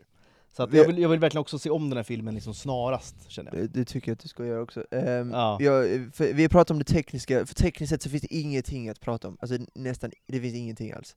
Alltså regi, manus, um, men framförallt Nej, och kanske. skådisarna och casten Ja, men det, och så, men jag tycker det är det vi ska, det är det vi ändå ska vi, om vi ska avsluta, så tycker jag Ja. vi ska prata om de här insatserna, för det är en otrolig cast. Vi pratar om Gary Oldman som Truman, Det är det. som jag Ja. inte visste. Vår favorit Kenneth Branagh som Niels Bohr. Kenneth Branagh har ju en, har ju en roll. Gör han- gör han dock Var- med var- den var äran. li, li, Liten downer, men det gjorde han bra såklart. Han. ja, Absolut. ja alltså, så här, vi, visst vi skämtar om honom så, det, jag tycker Ja. inte, det är ingen dålig skådespelare, det, det är det han förmodligen är bäst på. Alltså att just vara skådespelare. Han ska ju hålla sig till skådespeleriet. Ja, det, det, det, är väl vår poäng, det är det vår poäng, exakt. liksom. Han ska Ja. inte liksom hålla på med manus, regi och sånt. Framförallt regi. Eh, Nej. Murder on the Orient Express är en av de märkligast, märkligaste, eh, liksom, märkligaste regisserade filmer jag sett. Vissa märkliga kameravinklar och sånt. Ja, men jag såg ju trailern och innan Oppenheimer gick ju trailern för uh, Haunting in Venice. Ja. Och... eh, nej, det... Den kommer Vi vara ska, mellan se en den, sexa, vi, vi ska se den tillsammans nu, men det, det kommer ju inte bli bra alltså. Det kommer, det kommer bli, det kommer bli alltså, en sexa eller max sjua, det är där den kommer hamna. ja, absolut max alltså. Den kommer förmodligen inte vara usel, men den kommer inte vara speciellt, den kommer inte vara magisk. Så, så kan vi säga. Nej, det kommer inte Men vara. jag tycker inte det är en dålig, jag, här, jag gillar han i de flesta filmer jag har sett honom när han är med i. Alltså jag tycker han är en duktig skådespelare. Det är liksom ingen, det är ingen Sam Worthington, det är ing, men, men det, är heller, det, är heller, det är heller ingen Robert Downey Jr eller, eller så Cillian Murphy, men jag tycker han gör bra, han är bra i den här Ja. rollen som Niels Bohr. Han är ju inte med mycket Han har en heller, ganska liten tillägga. roll har han Ja, också. precis. Nej, exakt. Men det Ja. roliga var att, för att jag hade bara sett första trailern, så jag visste inte att han skulle vara med, så jag skrattade till när jag såg honom som Jag, jag, visste inte, jag visste inte heller det, så att det, det var, jag var lite orolig där ett tag. Men Ja. det lö, löste sig ändå. det löste sig. Det roliga var att du, du skämtade ju inte, du var orolig där ett tag. Ja, nej 100% alltså. Ja det var jag. Det var jag. jag var liksom känslomässigt skör också som sagt. Ja, att- just det. inte Brano, inte Brano. Åh nej. Ja, men han gjorde det bra, det gjorde han. eh, Det Ja. tyckte jag han gjorde. Och han tyckte också helt okej danska. Alltså så här, bra, helt okej dansk dialekt då. Ja, Eh, visst. alltså, absolut inte. Det har ju gjort sämre dialekter så att säga inom... Det eh, var ju touchen Hollywood. lite liksom tysk, tysk Ja, där var, han var farligt nära där. Det var Farligt nära var han. Men eh, eh, det var väl ändå godkänt? Ja, och så här, jag vet inte heller hur Nils Bohr, han kanske var, han kanske bodde vid Tyskland, han kanske bodde i Tyskland mycket, jag har ingen koll på det, så han kanske pratade så. Men det var ändå smart att han ändå, eller smart, men han höll sig ändå, vissa ord hörde man att fan, det här är ändå bra jobbat, som skandinav då, att man kände danskan. Men det, som du säger, det var lite tyska där också, så det var liksom inget, ingen 5 plus-insats av Brandon, men det, det har han väl aldrig va? varit, det har han väl aldrig varit, 5 plus. Nej, så att, eh, så att, nej men skådisar, personen Killer Murphy, han har ju varit ofta för mig mer en sidokaraktär, oftast. Eh, alltså utom då Thomas Shelby såklart, som är hans mest ikoniska roll, den är magisk, givetvis. Men det är Scarecrow i Batman-filmerna, det är Robert Fisher i Inception, eh, det är ehm, vissa huvudroller i 28 Days Later som jag älskar, det är mina absolut favoritskräckfilmer. Ehm, så att han är med Ja, väldigt mycket. precis! Ja, ja. Det, Ja. ja. uff, Den ska vi prata om någon gång. Ja. Ruskig film alltså. Ja, jag älskar den. Eh, Till och med helt okej uppföljare, 28 Weeks Later tror jag den heter. Eh, ja, Ja. verkligen, verkligen. ja, sevärd i alla fall. Så han är med mycket, killen, och jag tycker han är jättebra alltid. Ehm, en eh, toppenanekdot från eh, någon helg när de var lediga under inspelningen, när Downey, som tydligen är intresserad av antikviteter, Hey, do you want to go to Santa Fe? Eller Santa Monica, jag vet inte, något sånt. Uh, check out some antiquities? Bara, but no, I have to learn 50,000 Dutch words. Sorry, see you later, have a good time.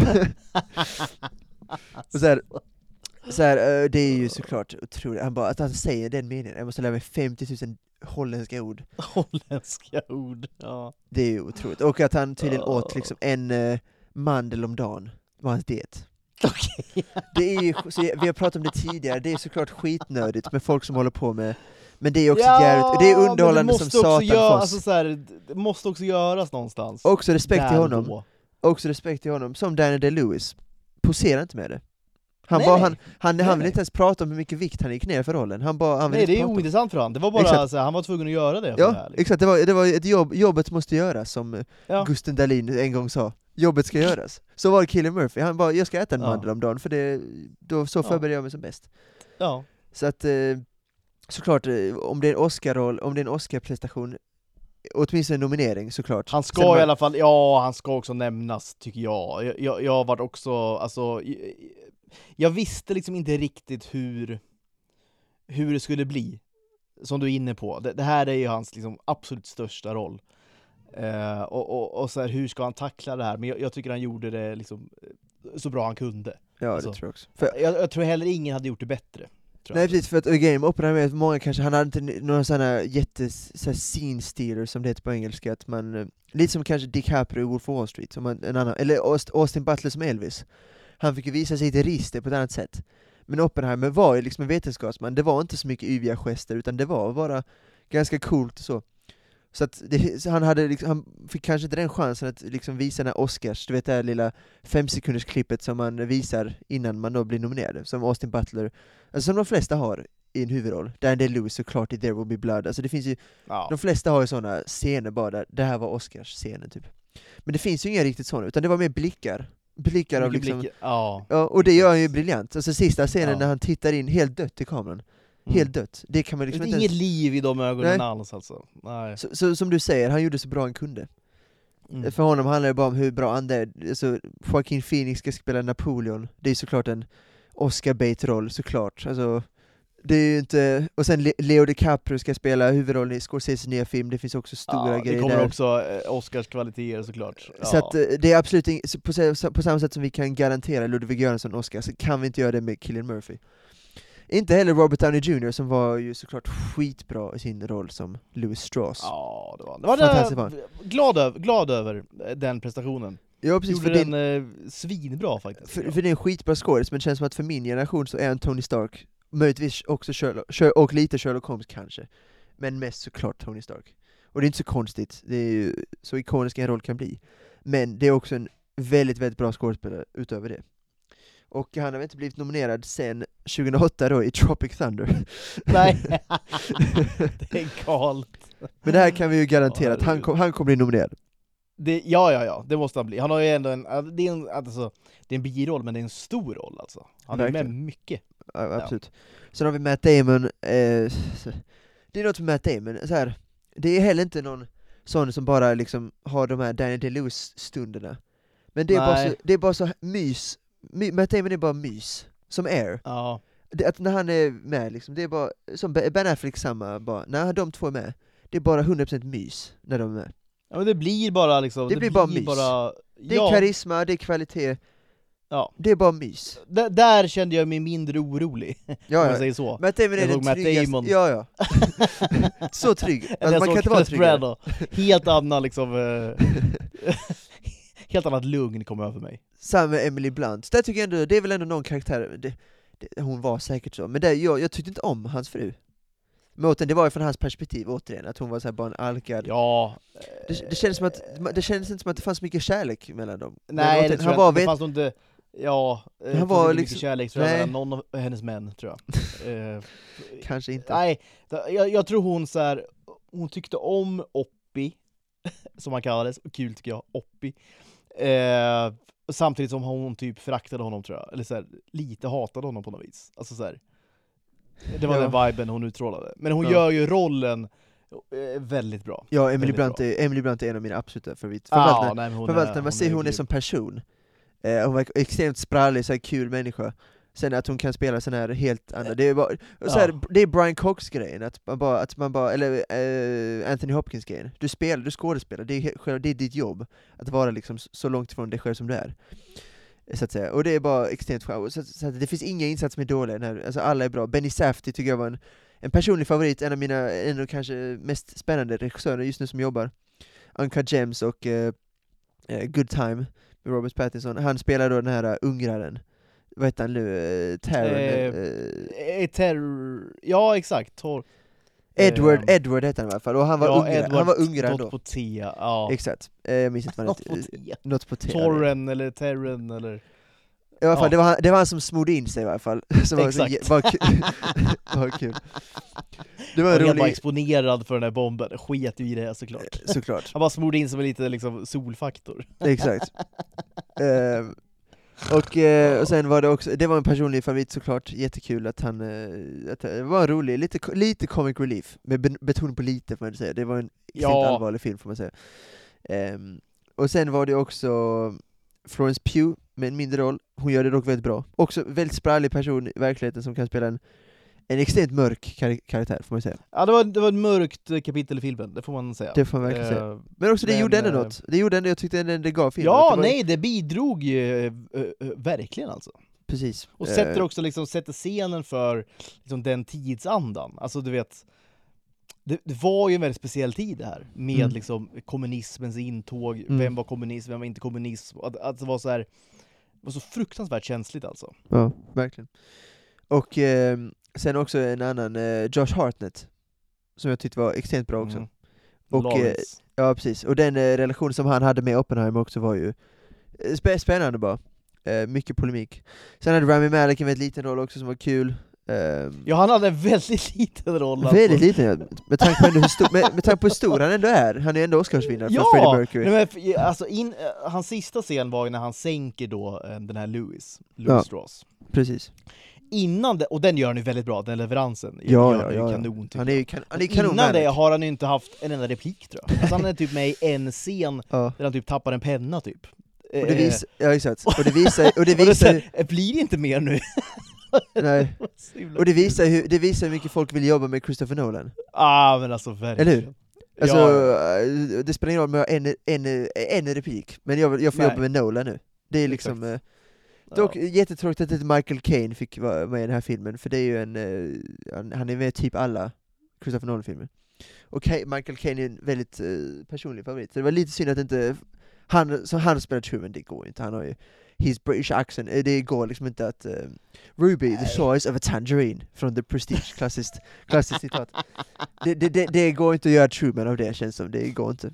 Nej jag tror inte det. Nej. Tyvärr. Men det är synd, i varje fall, men så här, insatsmässigt var det Om vi pratar om Oscars så är Cillian Murphy såklart, Robert Downey Jr, Emily Blunt förmodligen också Men Best tror supporting actress. blir nominerad, ja det tror jag. Det, tror jag det är, väl, det är väl de tre tror jag eh, Möjligt, möjligt, möjligtvis, jag tror inte heller Matt Damon, då är han eh, kanske mer som då Sonny i Air, som huvudroll, Ja, men det tror jag inte heller det. Ja, Det tror jag nej, inte heller. Alltså, nej, jag tror inte det. Och det här i Oppenheimer tycker jag inte... den är inte Oscar-värdig. Alltså det är, Nej. han gör det bra och han, liksom, han är en trygghet och så vidare. Men Det är mys bara med honom. Det är det mys. kommer inte bli en Oscar, det kommer det inte bli. Så och det, det ska det det. inte bli heller tror jag. Men för Oscar dock, det är ju också många som sa, bästa regi, det är tidigt på säsongen, som sagt Scorsese, Fincher och ehm, eh, Ridley Scott då har här Napoleon, The Killer och Killers of the Flower Moon som kommer. Så det går inte riktigt att säga än eh, angående de här regi och bästa Nej. film. Men det är klart att han ligger bra till, det gör han. Oddsen har ju såklart minskat. Jag hoppas framförallt kanske på bästa regi. För Nolan förtjänar ändå någonting. Framförallt för att om han vinner den så tror jag att han kommer gå bananas på sina nästa projekt. Då kör han all out, då kör han liksom Tenet 2.0, ännu mer obegripligt. Ja, Och det, det, är, det, det är också mys. Alltså, till det är inget Ja, mys. ja. Till det, Allsång på Skansen, inget mys. Alltså en Christopher Nolan Tenet 2.0-film som är helt obegriplig, det är för mig mys. det är Total mys. mys. Alltså. Ja. Det är otroligt. Verkligen, Så att, eh, såklart så undrar man honom, framförallt för Ridley Scott, Scorsese och David Fincher, kanske inga som... Nu har i och för sig kanske inte David Fincher rosat marknaden på Oscarsgalan. Nej, I- det har i- han inte i- gjort. Nej, i i och för sig då. Men jag, jag undrar ändå Nolan mer än Fincher. Fincher känns som en sämre människa, gör han. Eh, Jag tror också att Nolan skulle uppskatta det mer än Fincher ju. ja, Fincher känns, han bryr sig, han skiter i Han skiter lite i Oscars. Han hatar ja. ju The, The Academy, hatar det. Ja, förmodligen gör han ju det. det gör. Ja.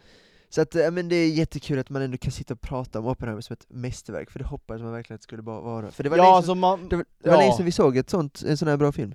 ja, det var det verkligen. Och den här hypen som har varit, och liksom att den ändå levererar eh, som den gör, och att, att den ändå blir... För mästerverk tycker jag verkligen är helt rätt liksom, epitet på den här filmen. Jag, jag, jag kan liksom inte vänta till att jag ser den igen, känner jag. Jag Exakt. vill liksom se den nu i princip. Precis. Eh, Och, det är ett bra tecken.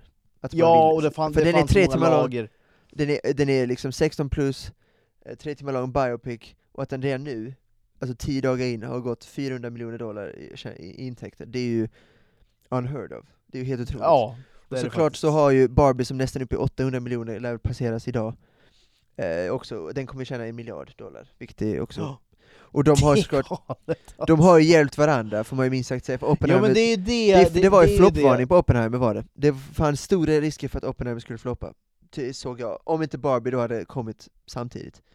Eh, För de, de har verkligen hjälpt varandra, och det är så tydligt. Och jag, jag, tror, jag tror också Oppenheimer har hjälpt Barbie också. ja, alltså så ja, de har hjälpt varandra, de har dragit varandra uppåt. Verkligen, 100%. det är ruskiga synergieffekter där. För att, Barbie det- har har klarat sig bra eh, utan Oppenheimer, men den har absolut, ja. absolut hjälpt, 100%.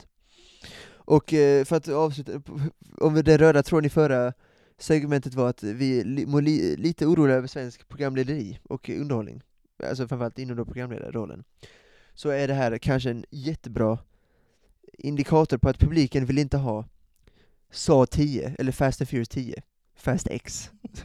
Så jag ska, den har nu kommit på min eh, illegala hemsida här, Popcorn Movie, som jag kan, eh, eller Popcorn Time heter den. Så jag ska nog Ja. se Fast X ganska snart, om ett par dagar. ska jag säga. Eller Transformers 6, Rise of the Beast, alltså vi vill inte ha, Nej men Vi vill det inte ha där det. alltså, nej. vi vill ha, vi, vi vill ha originella, eller originella, men, eh, nya berättelser från duktiga filmer. Ja, det är det, det vi, vill det, är vi det vi ha. vill ha, och det, visar, det Ja. har vi visat nu, eh, genom att gå på den här filmen. För jag har alltid känt att folk klagar att, ja, trötta på Marvel och sånt. Jo men, det är du som bestämmer, gå på bion och se The Last Duel som är, för, för det var exemplet, Mm. som gick 29 miljoner dollar, inte 29 miljoner dollar intäkter! Ni hör ju att vi pratar Ja, Barbie det är 800 miljoner, Oppenheimer 400 miljoner. Last Duel, episk Ja. film av Ridley Scott med Matt Damon, Jason Bourne, Ben Affleck, Batman och eh, Adam Driver, Kylo Ren Ja. tjänar alltså in 29 miljoner dollar i intäkter.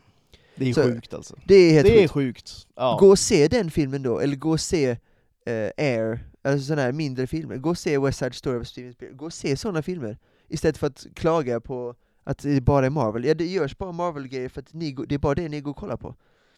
Men nu har vi bevisat att med Oppenheimer och Barbie att det finns ett intresse från publik att jag hoppas inte bara att detta är en meme-grej, att, folk, att det bara är en rolig, att det är en kul grej. Jag hoppas att folk, typ till exempel nu kommer en Teenage jag- Mutant Ninja Turtles-film imorgon, av Seth Rogen. Ja precis, se den Seth till Rogans... eh, liksom, ja, gå se verkar den. ganska rolig. Ja faktiskt. precis, Det är så allt han gör, alltså gå och se sådana grejer. känner ändå att så här, jag tror inte att det blir en, en, en, liksom en engångsföreteelse där, att, att folk som inte går på bio i vanliga fall nu går på bio och sen slutar de igen. Utan jag tror att om det är folk som inte går på bio i vanliga fall, som nu tog det Barbenheimer, liksom på allvar och gjorde det till en grej. Jag tror ändå att, så här, att, att livet efter Barbie, liksom, livet efter Barbenheimer, och livet efter Marvel kanske, om vi ska säga Ja. så då. Eh, det finns ett liv efter Marvel, och jag tror det, det, det, det ser ganska ljust ut tycker jag. Det, ser ljust ut för, för liksom, filmen. Det ser ljust ut för biograferna, jag, jag tror att vi går liksom en Eh, någon sorts, jag, jag känner ändå det inom mig. Mm. känner mycket inom mig idag. Men jag tror ändå att, att eh, någon sorts ny guldålder tror jag, för filmen och för bion. Jag, jag också. vi, är trött, vi är trötta nu på, inte bara trötta på liksom de här eh, liksom, Transformers 6 och liksom Fast X och allt vad det kan vara Så, för någonting. så 10. Det, Så 10! det ser man i sig fram emot på något sätt, så 10. Det, Alltså, ja, lite, men det Lite behövs ju inte. nej, det är klart vi det inte gör. behöver inte. Det är klart det Och vi är också gör. trötta på liksom alla Netflix, vi är trötta på liksom alla serier. Nu, nu är det återigen dags för liksom filmen Det att tror ta jag liksom förarsätet igen. Det sa så faktiskt också Fredrik Wikingsson, eh, mycket mindre trötta är de Filip Fredrik än vad Alex, eller åtminstone Sigge. Det är mer och mer, jag har alltid föredragit Ja, Alex Sigge, ja. men, men Filip Fredrik är mycket mindre trötta. De, är, de har en självdistans som absolut inte Sigge egentligen har. Liksom. I alla fall, han sa något som är att nu är vi mätta på serier lite mer, för nu har det varit serier, sen Sopranos och The Wire, där 90, början av 2000-talet, så har ju tv-serier tagit över mer och mer. Ja, ja. tills pandemin och då verkligen det tog fart rejält med te- streamingtjänster och så. Nu kan det vara lite, så här, 2021 med Last Solo, det var ett riktigt dåligt år. Det var fortfarande mycket pandemi, ska tilläggas. Det var ju kanske, de tog kanske för stora risker där, men förra året blev det mycket bättre och i år ser det också mycket bättre ut. Så det går ju uppåt om man kollar på någon slags graf, Ja. så är det mer och mer intäkt för filmer. Men det är fortfarande viktigt att vi går på sådana här, eh, inte, det, är inte, det är fortfarande blockbusters, det är liksom mer indiefilmer, såklart. Men det är ändå någon slags, det är inte som du säger, Saw 10 eller Fast X eller Transformers 6, eller Insidious 6, det är så, eller Indiana Jones 5, men du hör ju, det är bara liksom eh, ja uppföljare det typ. är... Och det är såklart eh, jättetråkigt, eh, eller det blir tråkigt i alla fall, förvaltar de inte speciellt bra så blir det ännu mer poänglöst. Så att eh, det här kan bara betyda bra saker, att det blir ett, liksom ett event igen, att man går på bio, att det, är- att det är en rolig grej. Att man Ja bjuder men ut på det. att man bjuder ut på, alltså, i mina tonår, man funderar aldrig på att bjuda liksom, ut tjejer på en dejt på bio, det gjorde man ju hela tiden innan, men det gör man liksom inte alls för, för att gå på bio, det gör man kanske två, tre gånger om året, typ. När det var Avengers, Infinity War eller Thor Ragnarok, det var ju då man gick på bio typ, utom jag då, men de flesta i alla fall. Det, det hoppas jag blir en ny del av samhället igen, att, man, att det blir en större social grej, att man går och kollar på bio istället för att sitta vid någon hamn och bara prata, utan gå på bio istället, sen kan man gå till hamnen och prata om filmen och annat. Den världen hoppas jag att jag får leva i när jag är lite äldre också, att folk går på bio på ett annat sätt. Och det tror jag att nu, det här är vår chans. Det är mänsklighetens chans nu att rädda bion på riktigt. Och kanske till och med få, som du säger, en liten guldålder kanske. Vi har en chans nu. Rider på den här vågen nu. Problemet är att de som sitter uppe och är VD för de här företagen, Disney och Warner Brothers, de, de ser ju bara gröna dollarsedlar framför sig. Så nu ska de ju skapa det här, ett Mattel Cinematic Universe. Det kan vara den sämsta idén jag har sett någon gång, typ. För att Barbie är ju verkligen, Barbie är på gränsen hela tiden med det over the Ja. top. Och an- anledningen till att det lyckas är för att det är två genier som har gjort den, Greta Gerwig och Noah Baumbach. Så att om du sätter en vanlig filmskapare, till, eller vanlig, men du fattar vad jag menar, inget, så här, inget geni, så kommer inte en Barney-film att bli bra till exempel, eller de andra, jag vet, inte, Nej. jag vet inte vad de har för produkter med Mattel. Så det är en fruktansvärt dålig idé, om de inte Nej. knyter till sig så här genier, alltså riktigt duktiga filmskapare, då kan det väl bli bra. Men du har ju bara sett, man har ju noll tilltro till alltså VD-arna. Alltså det är noll Nej. tilltro. Och det är ju problemet, att det är de som ändå på något sätt bestämmer. Ja. Eh, så det, jag känner ändå att de måste också lära sig, och det gör de ju såklart inte. De ser bara att Barbie har tjänat in mycket pengar. Deras slutsats är att ja, de vill se mer av dockfilmer. Nej, Nu gör vi Barbie, nu, nu gör vi fem Barbie-filmer. exakt. Barbie, Barbie 4. se det hända. Nej, se det inte hända. Nej, vi, det vi, får ska inte in hända. vi ska in i en ny era nu i, i liksom Jo, filmskaperiet här. men eh, har, du verkligen, har du verkligen en tilltro? Alltså så här, eh, slutsatsen borde vara att ge Greta Gerwig större projekt. Det ska slutsatsen vara. Ge duktiga, ge duktiga personer arbetet eh, att, göra, att göra film. Inte att göra ett Mattel Cinematic Universe. Nej, Sämsta idén jag det- hört. Och det, Det och det oroade Det mig, för då, kände, för då kände jag entusiasm. Fan vad kul att, för i, till och med i Grekland, en liten stad utanför Aten, eller i Aten, men typ, till och med då var det typ fullt på Barbie. Det känns som att hela världen har verkligen, eh, att det har strömmat, alltså folk har kommit och bara strömmat till biograferna, hela världen. Men att, då, då måste vi ta vara på det, inte att vi ska göra Barbie 3, det är inte det vi ska göra. Utan ge Greta. Gerwig fler filmer, typ. Och andra duktiga filmskapare. Eller ge innehåll, inte uppföljare eller cinematic universes. Det är liksom slutsatsen som de borde göra, men det kommer såklart inte göra, utan det kommer bli Barbie 5, The Rise of Ken, typ. Eller något sånt. Rise of Ken. Men du förstår, du förstår det, är där, det är där vi kommer hamna. Det är där vi kommer hamna om sju år när vi eller om, om, om 11 år, när vi fortfarande förhoppningsvis håller på med den här podden, så kommer Barbie 5, vi kommer, då kommer vi snacka om Barbie 5, The Rise of Ken. Ja, ja, j- jag väljer att se... Samtidigt se som Så här. 17 har premiär. Ja, exakt. Nej, men jag, jag, ser ljuset. Jag, jag ser framför mig eh, en liten ny era eh, av, i, i filmskapandet. Gör jag. Mission, Det- det- Mission Impossible slut. 11. det är slut med uppföljare och det, det är liksom dags för nya originella idéer, helt enkelt. Ja, jag, så- jag tror... Det jag tycker jag är, tror- det är det, det. Stora, det är det stora vi ska ta med oss från den här helgen, förutom att det är två bra filmer. Vi vill ha originella filmer som inte är uppföljare eller någon annan IP. Nu är Barbie för sig en IP, men du fattar vad jag menar, det är ju Ja, det är ja. en, det, det är en docka, det är liksom inget annat som de har tagit efter, Nej, det är en docka. Nej. Så att det är det vi, det är det tittarna, konsumenterna har valt detta nu. Och det är därför ska vi gå och se, låt inte eh, Teenage Mutant Ninja Turtles floppa, utan gå och se den också. Och hjälp MI7 också, det är i och för sig en uppföljare, det säger emot allt vi har sagt, men MI7 är bra, det är kvalitet, det är Tom Cruise är Jo men det är en, Tom Cruise är liksom undantaget här. Ja, han är ett undantag, det är han Är verkligen. han. Han är alltid ett undantag. Också lite alltså, Harrison Ford. Mission i- alltså han får göra Jones. 17 MI-filmer om han Ja, ja. det gör mig Ja, ja. ingenting. Nej, absolut inte. Men han är också den enda som får göra det. Precis. Ja. Ingen samma sätt, gå och se Napoleon, det, det kommer det kommer på den varje vecka, gå och se Napoleon. Så Gå och se Napoleon, Nej, vi kommer påminna om den filmen, det kommer vi göra. Varje vecka kommer jag påminna folk om att gå och se Napoleon. Hoppas att vi får se den nu på trail. Vi ska gå, jag ska köra nu om en halvtimme tror jag in till Oppenheimer. Eh, då hoppas jag vid gud att Napoleon spelas på trailern. Och då ska jag bara berätta för alla, alltså. för alla inne i biografen, ska jag bara berätta, gå och se denna. Jag har, se den här filmen! vad, vad heter det, jag, jag har hålnacke, eller vad sa jag att jag har på, vad, vad sa du till till där? Hålnacke, eller vad heter det? Uttrycket? Du sa något hålnacke, hon har, eh, Hålnacke? nej du sa något att hon har, hon har info på andra. Vad är det uttrycket? du Ja, hållhake. Hålhake. Det har jag på alla, det har jag på alla er här inne i den här Du och biografen. svenskan kämpar ändå alltså, fortfarande. Jag försöker, jag försöker anamma dina uttryck, det går sådär. Det gick inte bra. Ja, I alla fall. Ja, så att det är en härlig, en härlig vecka för bio har det varit, och förhoppas, förhoppningsvis, förhoppningsvis rider vi på den här vågen resten av filmåret. Det hoppas jag i alla fall. det ska vi göra och ni som har lyssnat eh, ska ha stort tack för det. tycker vi om. Väldigt mycket. Och, eh, vi ska också be om ursäkt, vi ska bra. också be ursäkt, för folk har klagat på mig eh, i mina DMs att eh, det, har kommit, det, det, det går för långt mellan avsnitten och att vi är för sena på den här Oppenheimer Barbie eh, helt enkelt. Ja, jag vet. Ja, vi ber, vi ber men om var ursäkt, vi ska det, oss. det, var, det var lite... Det, det, det är sådär ibland med det är livet. sådär det är sådär. Eh, Inte alltid lätt att planera. Det är inte. Men eh, vi ber om ursäkt ändå, gör vi. Ja, vi ber om ursäkt för allt. För min svenska kanske också. Nej, den är bra, den är, den är bra, alltså, den är bra, den är bra. Ja, den är Men okej. det är låg lägstanivå. den är okej, ja visst.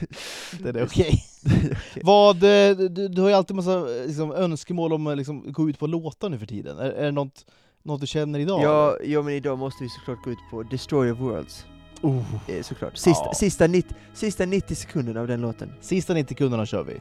Och sen nästa vecka, nå- någon av de, det fantastiska soundtracket från Barbie-filmen. Får du bara nästa vecka, när du har sett den förmodligen. Ehm, men vi säger så Malte. Eh, ta hand om dig och eh, ni som har lyssnat, ta hand om er. Så hörs vi snart igen. Ciao ciao. Ciao allihopa.